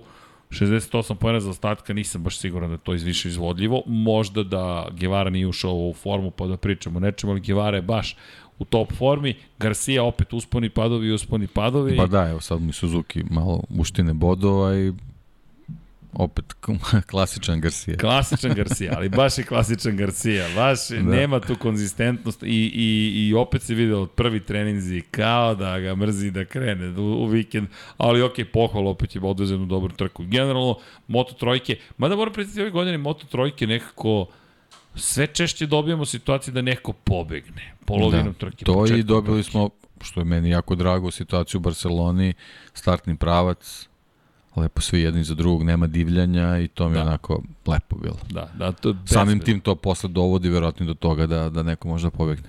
Da, da, imali smo, pa u suštini ranije prekidaš, da. poslednji koji je pobegao, baš pobegao, to čak nije Givara učinio bio Alex Marquez. Iz nekog razloga ovo staza mu odgovara. E da, i apropo Aleksa Markeza, ja moram pre, kažem da se meni zaista ne dopada ideja da ti pustiš čoveka koji ima lakši potres mozga na stazu 24 časa kasnije. Ljudi, mi pričamo o, o besmisleno, bespotrebno opasnoj situaciji. Jer ja to ne mogu da razumem, jer ne govorimo o nečemu što je potpuna nepoznanica. Ono što je nepoznanica jeste što ne znamo kako može da utiče na njega. Ali rizik suviše velik. Suviše velik rizik. Možda se ono će sjajno, to nije bitno. Da ne ulazimo čak ni mogućnost pada. Samo sama temperatura staze za nekog ko je ko ima oštećenu glavu i onako čudno. Ne znam, prva stvar koju, koju ti kažu kad imaš potres mozga, izbegava izlazak na sunce. Kako? Tako što ću da obučem kožno delo, stavim kacigu na glavu i sedem da se skuvam, bukvalno, narednih 45 minuta dok vozim jedan od najmoćnijih uređaja na, na jedan naprava, na dva točka na planeti Zemlju i preko 350 km na čas na pravcu u Barceloni. Suludo je. Potpuno je suludo dakle o tome razmišljati, ali to se desilo ponovo, po hiljaditi put. I Tako, možda u nižoj klasi bi ga sklonili sa staze, u višoj kategoriji to neće učiniti. E, kada smo kod kategorije i klase, deki, šta si radio u fantaziju? Ja. Mm, oče, verovatno. Ne verovatno oče. Jel se uopšte sećaš? Mislim da su mi, da mi je tu Rins, da mi je tu Bastianini, da mi je tu Dovi, nemam pojma, ja sam digao ruke ima jedno četiri trke sigurno od toga. Ja se spremam za sledeću sezonu, da. već pratimo ove transfere. A pazi da. mene, Banjaja. Dobro, slične, svi imaju slične muke. Pazite sad ovo. Fabio Quartararo mi je u, u fantaziji. I to bi bilo to. I to bi bilo to, dakle, to bi bilo to. Alex Rins je sledeći, dakle, nula poena. Marko Beceki je sledeći, nula poena. Čekaj da vam dam tačne informacije. Enea Bastianini, nula poena. I Ducati kao fabrika, a, malo poena, premalo poena. Mada dobro, druga pozicija još na nešto i to je ličilo.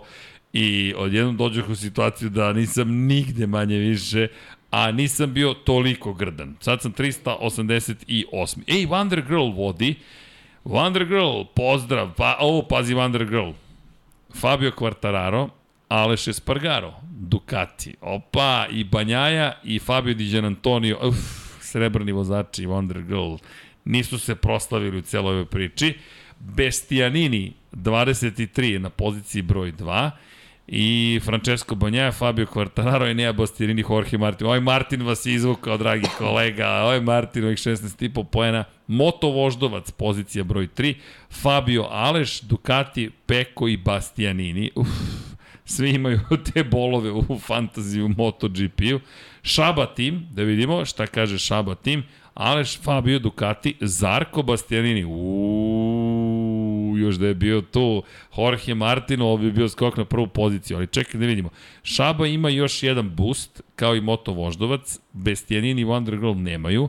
Fić Firić, Fitch, Fitch, ne, Karl Marx, kao pa, Karl Marx je tu prisutan, Aleš i Fabio, pazi, ovo je sad kombinacija Aleš Fabio, Ducati i onda Beceki Zarko, Beceki. Da li ko ima savršen vikend, Fitch Firić, da vidimo, Fabio, Aleš, Ducati, Martin Bastianini, nemamo ni ovde pobednika, MGP, Fabio, Aleš, Ducati, Banjaja, Diđan Antonio, Banjaja, Diđa, Zigili Migili, Aleš, Banjaja, Ducati, Zarko Martin. Ja, ovaj Banjaja samo je ovde napravio problem.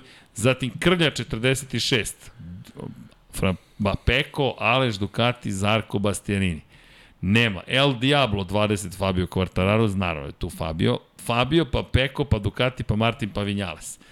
Dakle, niko među vodećih 10 nije uspeo da dođe do nekog e, spektakularnog rezultata i ja ne mogu da nađem nikoga ko... Ali to je lepota fantazija. Aj sad pogodite vozače koji će... Voza, pet, četiri vozača koji će biti dobri u jednoj trci.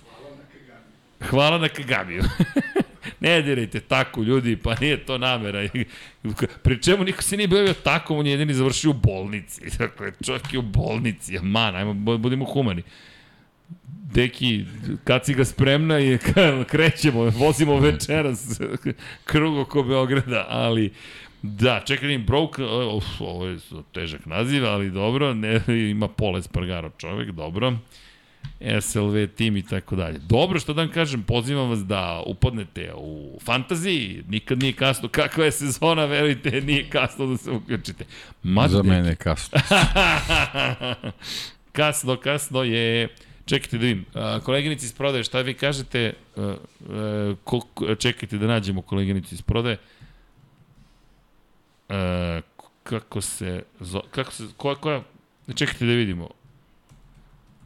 Da vidim. Sad ćemo da vidimo koje su informacije. A, Sirm, pozicija 427. Ha! Ha! Ha! Ha! Koleginica ima Kvartarara, Bastianinija, Ducati, Becekija i Gardnera. O, Gardner je izvukao situaciju. Gardner je izvukao. Čekajte, morate posle da nam objasnite taj izbor Gardnera. Inače, koleginica je negde među prvih 100 u fantaziju u, u F1, što je uspeh. Tamo je 4000 ljudi, tako da koleginica u Formuli 1, o, ka, neću ni da pričam o Formuli 1, to, to bolje da ne spominjem taj fantazija. Ali dobro, lepo, lepo. Dobro, poštojem. Čekaj, imamo neka pitanja. E, Pokušao sam da pratim chat večeras, ali brzo sam mu ispao iz cele priče. U, Naked Fun, best adult dating site nam se reklamira. Čekajte. Ajmo da mm, hide user on this channel. Izvinite, ali Naked Fun je otišla. Jedini fan je uh, obučeni fan a to je zapravo Lab 76, mi smo obučeni. Srki, Almir Vuk, malo čutno pitanje, ali evo, da li postoji mogućnost da se F1 emituje na nekom od drugih sport klub kanala, Aeronet provider bih je odlučio da ne emituje sport klub HD dok svi drugi kanali su tu. Da, da ovako, preneću. Preneću informaciju menadžmentu, ali ljudi, to je sad, to vam je tehničko pitanje koliko je i poslovno pitanje, čak mislim da ovo puta nije ni poslovno koliko tehničko ali moram da proverim da sad ne lupam gluposti. Uh, Almire, pokušat ćemo. Evo, to je to ono što mogu da kažem. Uh, ja negde vidim da Rins ima prelom ruke, da mu je ruka u gipsu, Petor, jeste. Nažalost, Alex Rins ima prelom ruke i ni ne čudi što je besan na takaki na Kagamija. Taj prelom ruke u momentu kada se borite za nastavak karijere u Moto Grand Prix nije mala stvar. Koliko god neko znao za reputaciju Aleksa Rinsa da je dobar vozač ili nije, verujte ljudi, zaista nije naš opis besmislen kada pričamo o školskom dvorištu. Ljudi i tamo reaguju emotivno. Kad, kako je Fabio Quartararo dobio ugovor uopšte u Moto Grand Prix? Tako što je u pravom trenutku, u momentu kada Razlan Razali i Johan Stegefeld, tada vodeći ljudi ekipe u nastajanju Petronas Racinga, sede i kažu imamo Franka Morbidelija, ko će da nam bude sledeći čovek koga ćemo mi da angažujemo i tamo neki Fabio Quartararo pobeđuju u Barceloni i oni kažu čekaj, ajde da vidimo ovog Fabija. I onda se malo raspitate, Fabio ima ozbiljnu reputaciju, popričate s čovekom i kažete ima ovde nečeg. Ima ovde nečeg i vi ga izaberete. Kako je čovek koji nam je dao ovu kacigu, to je potpisao, čovjek koji nam je dao kacigu osvajao titule s Ferrari kao šef logistike i, i kao šef ekipe Leopard Racinga, gospodin Midore Kotur, ali ovu kacigu nam je potpisao Lorenzo Dalla Porta. To je svetski šampion, sve sa smiling, to mi se posebno dopalo. Dakle, čovjek je osvojio titulu tako što je potpisao za Leopard Racing i zajedno su ušli. Poslušajte, to nije bio specijal sa gospodinom Kotorom, bio nam je gost u, u podcastu, kada smo pričali sa gospodinom Kotorom zapravo o, o, o, o trkanju i tome kako biraju vozače. Kotor nam je rekao da su Lorenza Dalla Portu izabrali tako što u momentu kada su saznali da ne mogu da dobiju vozača kog su želeli, a to je poslednji dan da prijavite s kojim vozačima nastupate sledeće godine, ispostavilo se da ima ugovor s drugom ekipom koji ga sprečava da pređe u Leopard Racing, sede, gledaju kroz garažu, u tom momentu na motociklu prolazi Lorenzo Dalla Porta, zastaje ispred garaže, prolazi dalje i Kotor kaže, ajmo njega da angažujemo. To je to to je bio scouting. I Lorenzo Dalla Porta je potpisao za Leopard Racing i postao šampion sveta. Potpuno besmisleno, ali zaista ovo je bitno za Rinsa, ovo o čemu smo pričali. Dajte malo svetskom šampionatu Superbajku, super je. Jeste svetski šampionat u Superbajku, super, e, zato se zove Superbike, Ma, Deki, jesi pratio Superbike? Ja moram priznati nisam, ljudi, nisam zamerite, ja nisam stigao ovog vikenda, nije bilo ni gde da gledam, tako da ajde da vam ostanem dužan za Superbike, po, imam na spisku stvari koje sve moram pogledam od kada sam stigao, ali što se tiče World Superbike-a, slažem se, treba da ga ispratimo više, s obzirom na činjenicu da u ovom momentu mi imamo jednu sezonu koja bi mogla da se pamti čak, dakle kada pričamo o ovogodišnjem šampionatu, hajde da vidim kad je sledeća trka, samo ne znam napamet, šampionat. Mizano nam je sledeći 11. i 12. jun. Tako da, apropo jun, hm, to je 11. 12. jun, to je sada ovaj vikend. Da, to je ovog vikenda. Pa da, dobro, pa nismo propustili. Ja sam mislio da se dešavalo ovog vikenda nešto, sam propustio zapravo trku. Nisam. Ne, ne, ne, pa ali e, nismo spomenuli prethodni vikend. Prethodni vikend Bautista i Johnny Rea, ali to smo, ja mislim, smo to spominjali. Ja mislim da smo spominjali da smo obradili Portugal. Da, da ne zamerite, nego sad se uplašio da sam propustio trku, da zapravo sam zaboravio kalendar, ali Mizano nam tek stiže. Tako da uvek posle trke se pozabavimo time. Hvala na tome. Ali što se tiče, pa šta da vam kažem, pobedit će Bautista, Rea i Razgatli Oglu. I to će biti to. To jest ne, Razgatli Oglu će biti na pobedničkom postolju, a pobeđivaće Bautista i Rea. Zato što Razgatli Oglu ove godine ne može da zabeleži pobedu. Ali kad tad to mora da se promeni. Gde bi moglo da se promeni? Ja mislim u Mizanu. Zašto? Pa Yamaha tamo lepo zna da ide. Tako da te tri trke ćemo ispratiti. U, dobro, sad sam se već uplašio da nisam ispratio kako treba. Jel može da za sledeću nedelju ostavimo onda Superbike kada bude prošlo? Čekaj, čekaj, čekaj, čekaj, uh, sad pobežem, jel? Uh, 2020 Fabije je koštao Aragon, mislim da nije bilo pada da bi izgurao do kraja i ta godina je počeo na Bastianini ove godine ili pobjeda ili pad Armin Šabanija. Deki, pa to ima smisla, ali Aragon je malo čudan za Fabija, mada se slažem. Deki to stalno govori za taj pad iz Aragona 2020. I da je uticao baš ozbiljno zapravo na Fabija, mnogo ozbiljnije nego što, što su hteli da priznaju. A to je tad bio opet problem sa izborom guma. On celog vikenda nije vozio tvrdu, ja mislim, gumu i onda je baš za trku uzeo samo tvrdu gumu i onda kreće ceo Da, da, ali, ali pad, pad pretarke u stvari inicirao sve te probleme koji su kasnije bile i baš ga je presekao u tom nekom naletu. Tako da je Aragon jako bitan i, i, i, i Fabio na tom nekom planu. Pa da, ali, ali opet to je to je neki početak njegovih šampionskih bitaka. Ne, ne zaboravite da Fabio u tom trenutku nema ni jednu pobedu u karijeri. Dakle, ako se... Ne, to je ne, 2020, ne, ne, ne. tad je pobedio na da, početku da. sezone, nije 2019. Dakle, to je moment kada on tek gradi, ali ima tu, znaš šta je meni tu? Jeste, Aragon je, ozbiljan pad je bio kada je reč o Aragonu. Ali mislim da se nešto desilo posle one pobede u Barceloni.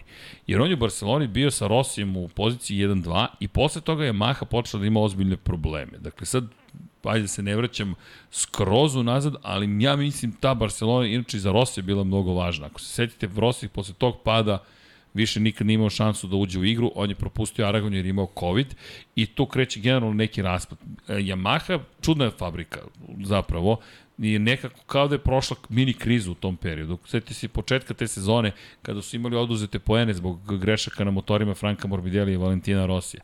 Generalno teška sezona za Yamaha uopšteno. I to su bile te tri Yamahe koje su bile mod, M nove M jedinice, a Franco Morbidelli koristio staru verziju. Tako beš, jeste. Ali da, može taj Aragon da bude te godine ključni pravo si, deki. Ba i, ko je rekao? Armin. Jel jeste? E, Armin Šabanija. Pozdrav inače. Čovek koji je joinovan i koji je svetioničar početnik već duži niz, već duže vremena. Hvala. E, inače, e, da li je stranica Global Tickets pouzdana za kupovinu F1 karata? U, to stvarno ne znam. Čekajte da vidim da li sam ih ikada koristio. Global Tickets, uh, ne mogu da vam odgovorim, od njih nisam nikad kupovao. A i ne smem da vam kažem zakonski nikakvu preporuku da ne bi bilo da smo vam rekli nešto što ne važi. Uh, dakle, uz potpuno odricanje od odgovornosti, mogu da vam kažem od koga smo kupovali ulaznice, ali ne, ne možemo biti odgovorni koliko se kupite pa se nešto desi, ovo moram da izgovorim, moj, moj pravni tim bi bio ponosan sada na mene, GP Ticket Shop, uh, jedan od sajtova koje smo koristili uspešno, na primjer, ali uvek ako možete kupiti na fn.com, iako ne, idite na stazu. Koju stazu želite da posetite, idite prvo na stazu. Zvanični sajt staze vam je najpouzdaniji zato što oni koji zapravo su prva ruka karata, to je ulaznica, to je staza. Organizatori su tu. Dakle, na stazi obično možete. Sad ne znam koja to strka konkretno zanima. Ali samo pošaljite informaciju, pa eto. Ili googlite pa ćete naći. E, Hoće li biti indikar u budućnosti na sport klubu? Ne znam. Zaista to ne znam. S obzirom na činjenicu da ne učestvujemo u pregovorima, mi dobijemo samo informaciju kada je neko kupljen, kada je neka, neka prava kada su kupljene. Anđelina Vasilić, da li je moguće da Raul dođe u Hondu? Jeste. Još uvek jeste, mada deki ja verujemo da je to već pozicija za Johna Mira. I da će zapravo John Mir biti taj koji će voziti za, za Hondu naredne godine. Uh, da, može neki update vezano za James Webb? Pozdrav ekipi. Jao, James Webb ima par stvari.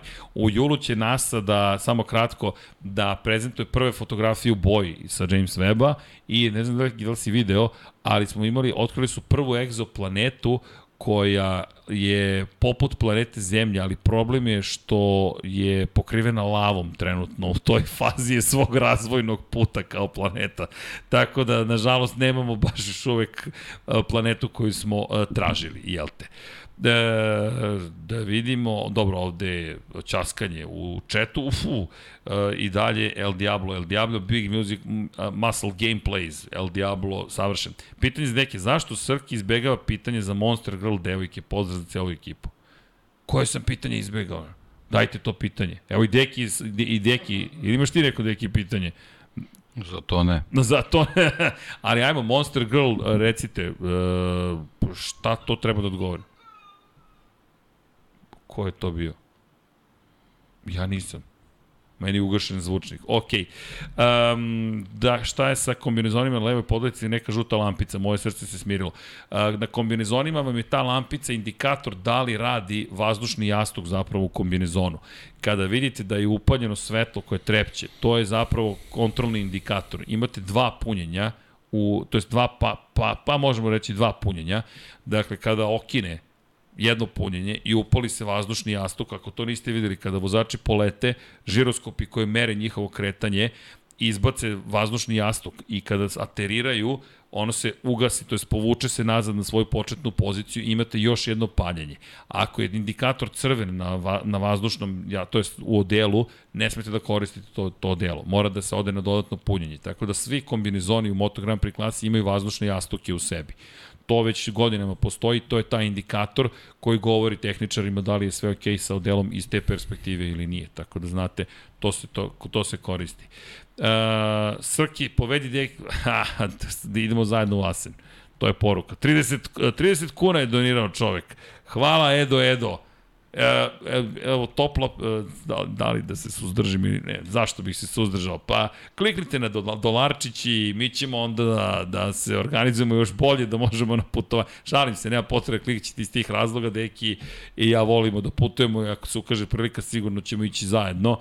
Deki prosto ima više obaveza u Beogradu od mene, ništa drugo.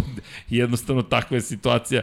Deki je zapravo čovjek koji radi tako od 8 ujutru do, do, do, dokle traje podcast, evo gasimo, gasimo. Inače imamo pitanje koje su knjige ispred nas, a da nisu iz naše produkcije. Čekajte da nam se pohvalimo, ovo smo dobili. Ovo su trkačke aktivnosti za 2020. i 2021. Leopard Racinga. Imamo ih sve do sada, sada je kolekcija kompletirana. Inače, ovo mi je pokazatelj zapravo COVID-a, gde gospodin Kotor objašnja 2020 pa 21. Toliko manje aktivnosti i onda smo rekli, ajmo da izdamo jednu monografiju da sve objedinimo i onda krenemo u 2022. iz početka.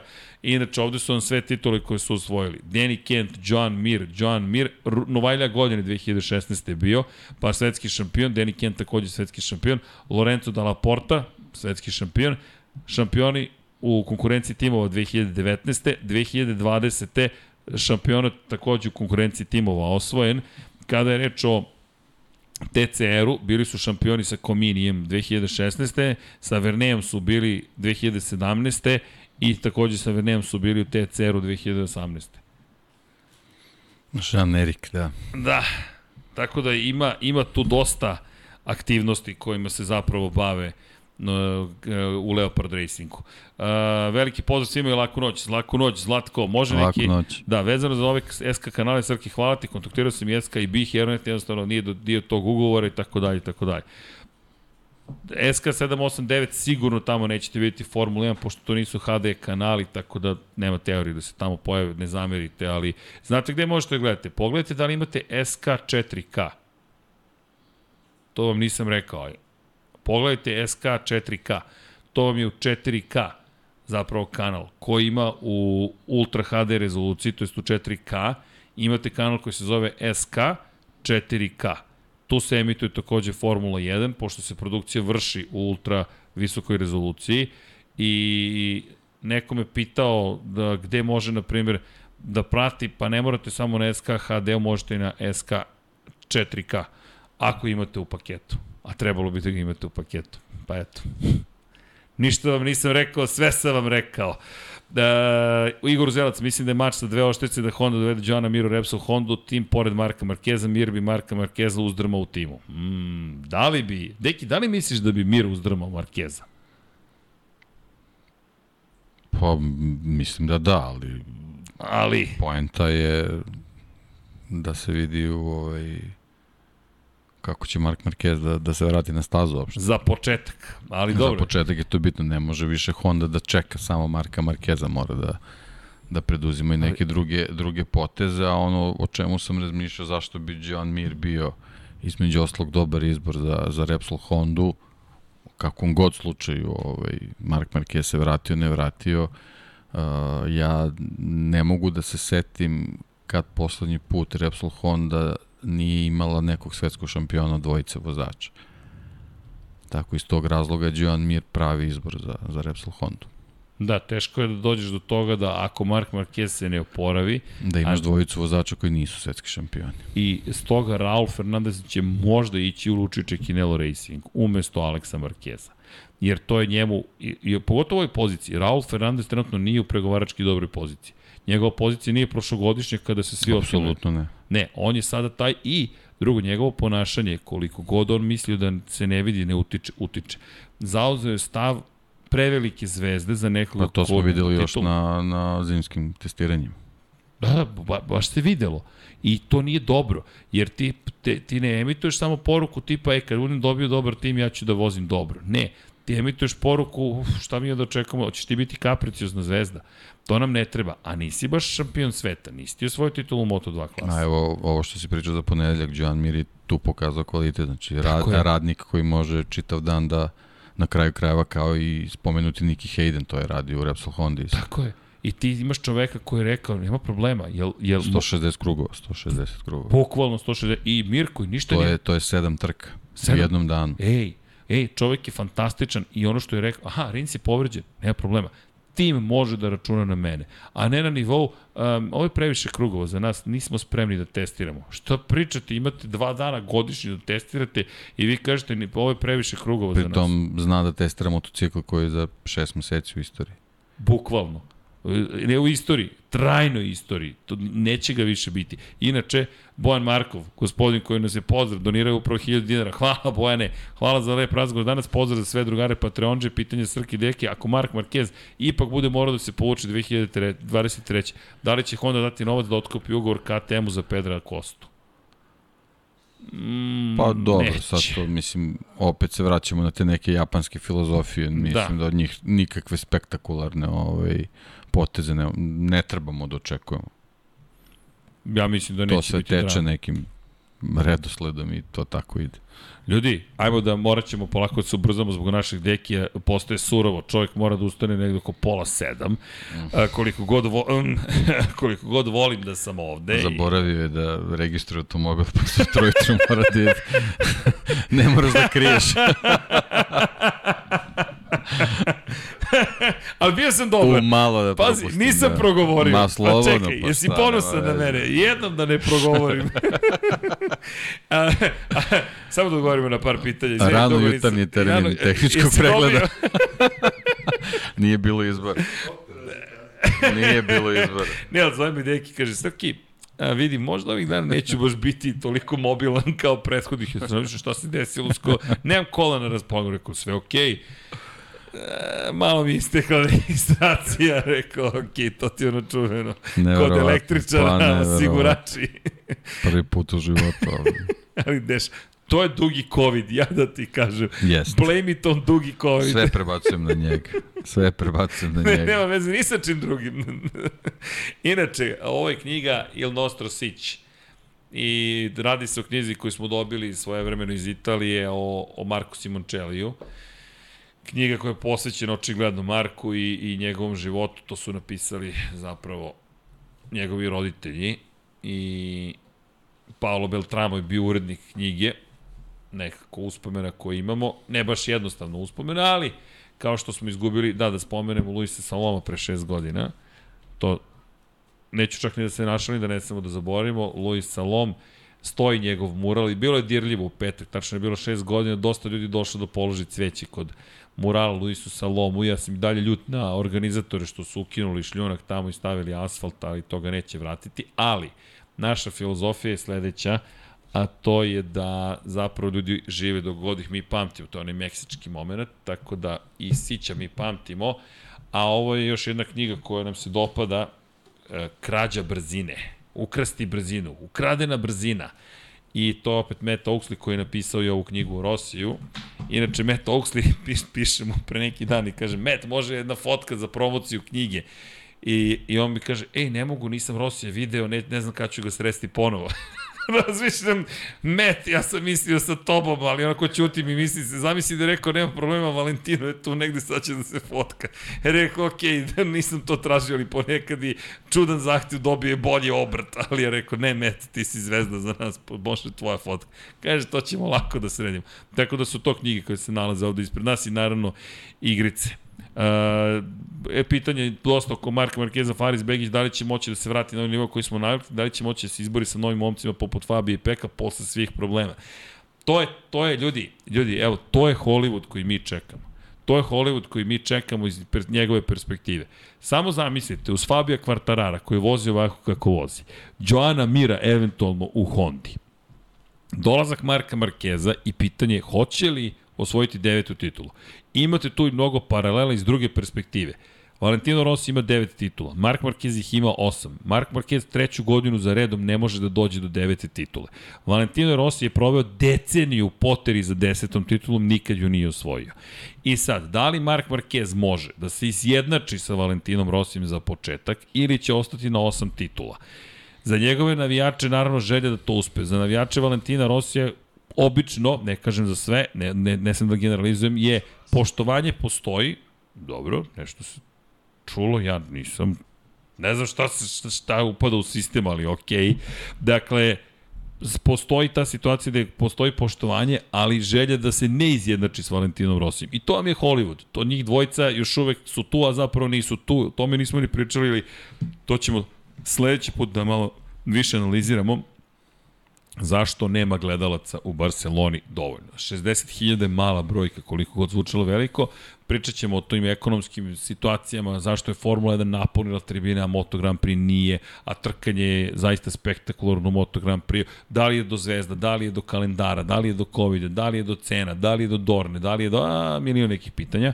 Pitanje da li možemo da dobijemo odgovor ili možemo da damo pretpostavku, hipotezu, postavimo po vremenom dobijemo potvrdu ili po, oborimo sobstvenu te, te teoriju, ali ono što je činjenica jeste zapravo da niko ne zna šta će biti s Markom Markezom. Čekamo ga.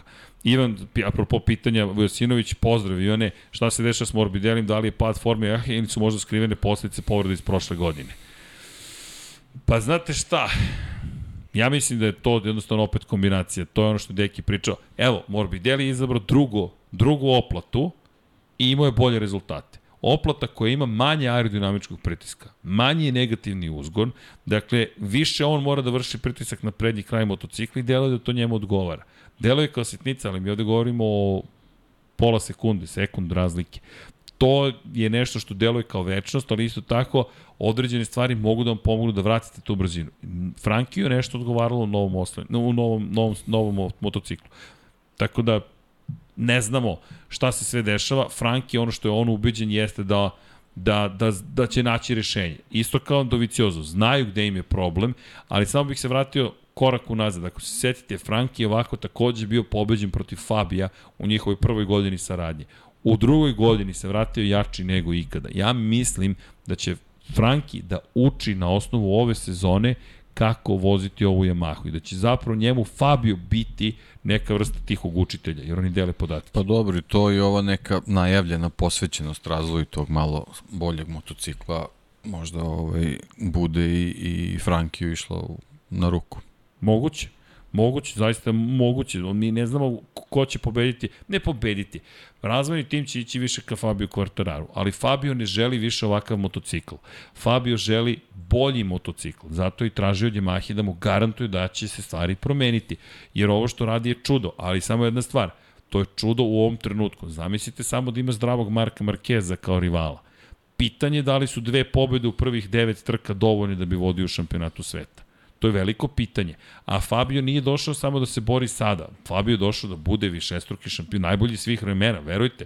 Njegov cilj nije samo 10 pobjeda ili samo jedna ili dve titule. Ne, on hoće isto što i hoće Mark Marquez. To je taj profil vozača.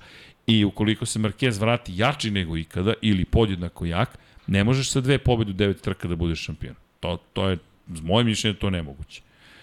E, hoće li biti vozači iz taj te Isle of Man koji su se oprobali u World Superbike ili MotoGP 2 ili 3? Mislite da li, a, da li je bilo vozača iz TT? Pa malo, možda je jedan, možda testirao ponekad, ali ne, niko od njih ne dolazi, to nisu... Pa nije to ista vrsta Nije ista vrsta trka, to je tako je. maltene reli. Bukvalno, ne, to je potpuno, potpuno, to je potpuno kad, drugačiji. bi, kad bismo poredili sa automobilima, to je druga priča skroz. Jeste. Ne, ljudi, ono to što rade na Isle of Man TT je... To je... To je, to je, čujte, evo, e, evo da vam pokažem, imam savršen odgovor na, na, na TT. Čak znam i stranu na pamet, 172. Mislim da sam, da, ili 173. Evo da pročitate sami. Evo, ovo je Rosijev komentar na Isle of Man TT. Ovo su ludaci, nisu normalni. To je njegov ceo komentar. To je rekao čovek koji je vozio 432 trke svetskog šampionata u motociklizmu, koji je jedan od najopasnijih sportova na svetu. Jednostavno otišao je, vozio je taj krug šampiona sa Giacomom Agostinijem i rekao ovo su ludaci, to, oni nisu prosto normalni. To je njegov bio ceo komentar, a s dužnim poštovanjem. I s dužnim poštovanjem, zaista. Tako da, jednostavno TT je nešto drugo. Bio Rossi, rekao svaka vama, uh, to je teško, sad, sad, ne, sad nisam ispratio. Izaz za Srke, koleginicu iz komercijali i Milicu će igraju te dve knjige na srpskom. Ok, to, to, to mi je, za, to mi je završeno. Uh, tete je ludilo, jeste ludilo. Uh, ovo smo odgovorili, vidjet ćemo, želimo mu sreću. A, Japanci su Bakadu da i ne zime komercijalne jakne bez vremenskog plaćanja. Planiramo ovih dana da je kupim, eto, Dragan Matić. A, da, jel može James Webb da nam kaže nešto više o studiju na kraju univerzuma s obzirom da se bavi univerzumom? Polako doći ćemo i na tu situaciju. E, ljudi, moramo lagano da se pozdravljamo, a mišljenje o kameri na ramenu samo ću vam reći i mi bismo volili da bude na svakom vozaču. Ja mislim da bismo dobili novi nivo pogleda. O, dobro, to sledi uskoro. Tako je, to ćemo dobiti, to je gotovo neminovno. Napred, nazad, s ramena, jednostavno dolazi u kombinaciji sa helikopterom i da odgovorim samo na još jednu stvar, a to je kada će MotoGP u 4K, ja mislim da neće skoro. Zašto? Zato što je previše skupo, a Dorna trenutno nije u povećanju prihoda, mada ono što je problem, otkazali su MotoGP Unlimited, koliko sam shvatio. Druga sezona, pitanje da li će biti uopšte. MotoGP Unlimited odjednom je nestao, svi ćute u MotoGP Unlimited, jer MotoGP Unlimited uopšte nije dobro prošao. A, da li imate online knjige, Tony Sony 76? Kako mislite online? Mislite elektronske verzije ili da li su kupovina online? Kindle verzije. Kindle, nažalost, ne može da se registruje u, na Amazonu ako ste iz Srbije, tako da sad tražimo rešenje kako ćemo da ponudimo Kindle format ili druge elektronske formate, ali kao izdavač iz Srbije ne možemo da budemo na Amazonu za Kindle. Selavi, što bi se reklo, ali to ćemo da, se, da, to ćemo da, da, da, da sredimo. E, I samo Zvonimir Papić, peti put, kažem niš samo, ovo hoće li ovaj ljetni evropski period prelomiti sezonu koji gurnut Fabio prema novoj tituli. Šta smo rekli pre mesec i po, to je taj period kada se osvajaju titule. I za kraj, koleginice iz prodaje, Dom Pablo, Srki, gde je Vanja, otišao Vanja? Ko će pustiti muziku? Jao, kogod da je uzeo stvari, Deki mi se uzbiljaju, Deki sutra, rano, zorom, ako hoćeš u Ljermontovu zajedno. Plaćat ćeš penale. dakle, pokrovitelji Infinity Lighthouse-a, samo da kažemo hvala, Patreon, pokrovitelji, patreon.com kroz Infinity Lighthouse, YouTube članovi, youtube.com kroz Infinity Lighthouse, ali tu ste već, pošto gledate ovo, ja se nadam na YouTube-u, ako slušate, idite na YouTube, budite like, subscribe i sve ostalo i join.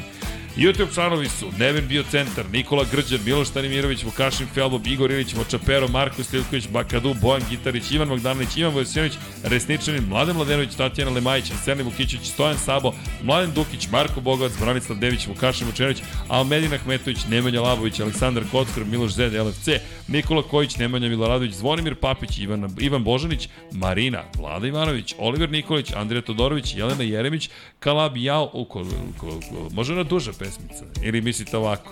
Ne, ok, dobio sam ovu kratku verziju. Andrija Todorović, Jelena Jeremić, Kalabi Jao, Aleksandar Nikolić, Lukas Kok, Petar Bijelić, Milorad Reljić, Nemanja, Bojan Marko, Bojan Marko, pozna smo se, Danilo Petrović, Nenad Simić, Nemanja Bračko, Kosta Berić, Aleks Volović, Andreja David, Pavel Lukić, Milan Knežić, Žarko Ivanović, Armin Šabanija, Nenad Lukić. Inače, ljudi, sve ovo i tekako znači, zato možemo da radimo ovako lepe stvari.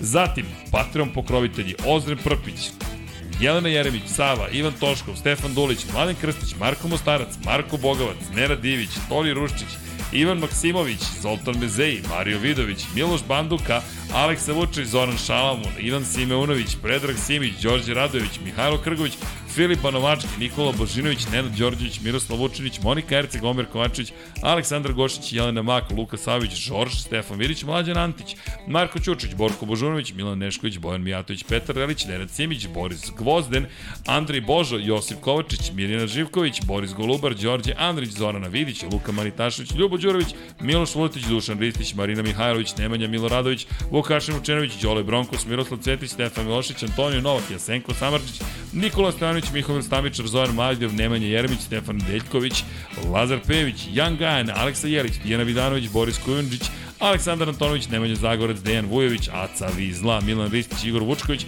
Vukašin Jekić, Igor Gašparević, Aleksandar M. Žarko Mirić, Branko Bisački, Dejan Đokić, Bahter Abdurmanov, Bojan Markov, Alen Stojčić, Ognjen Ungurjanović, Ertan Prelić, Andrija Todorović, Emir Mesić, Miloš Todorov, Pavle Njemec, Đorđe Đukić, Vanja Radulović, Vladimir Petković, Vladimir Filipović, Aleksandar Jurić, Strahinja Blagović, Depres, Cody Gardner Fan, Jovan Jordan, Stefan Stanković, Boris Erce, Katarina Marković, Ivan Panajotović, Ivan C, Dimitrij Mišić, Veselin Vukićić, Andrej Bicok, Nebojša Živanović, Andreja Branković, Nenad Pantarić, Jugoslav Krasnić, Vlada Ivanović, Stefan Janković, Aleksandar Banovac, Miloš Radosavljević, Grgo Živović, Matija Rajić, Zoran Cimeša, Petar Nujić, Danijela Ilić, Ferenc Laslov i Predrag Pižurica, Ognjen Marinković, Borislav Janković, Jovanović, Branislav Marković, Andreja David, Nikola Grujičić i 15 tajnih pokrovitelja.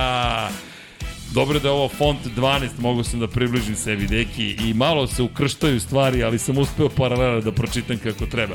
Dragi ljudi, budite dobri jedni prema drugima, mazite se i pazite se. Inače, ovo je mesec mentalnog zdravlja, tako da, molim vas, vodite računa o svom mentalnom zdravlju, samim tim gledajte i slušajte Lab 76, 99 yardi, e, tamo je ludo, intervju i neke nove stvari, bili su vredni, Miksa, Jimmy, Vanja, ja nisam baš bio 90 yardi, toliko vredan, bio sam na putovanjima, ali bit će ove nedelje Gospodin Dijan Potkonjak je bio sa nama, sutra ujutru ga čeka jedan težak uh, moment, ali od sutra ponovo motorizovan i ekipa Lab 76 ima ceo jedan automobil. Šalimo se, imamo i jedan kombi, imali smo ga makar do skora, a još jedna muzikica i da se lepo pozdravimo. Ljudi, nadam se da ste uživali. Mi svakako jesmo deki negde do 22, 30, otprilike 23. Posle toga agonija čekanja, ali šalu na stranu. Stigla nam je karcinga iz Leopard Racinga, Lorenzo Dalla Porte potpisao, stigo smo mi i naravno družimo se. Vama želimo laku noć, lepo veče, budite dobri, mazite se, pazite se, recite mamama i tatama da ih volite i svima koje volite i sa kojima ste eventualno svađi, pomirite se tokom meseca juna jer to je pozitiva. A mi vam želimo šta? Pa, uživati dalje uz Lab 76 Infinity Lighthouse. Deki, šta smo rekli, kako si ono rekao, 9, 8, 9, 10, nešto si rekao na početku, 9, 10 za Fabija, 9, 10 mesec i onda, uh, čao svima, može tako. 7, 8, 9, 10 mesec, čao, Ćao svima. svima.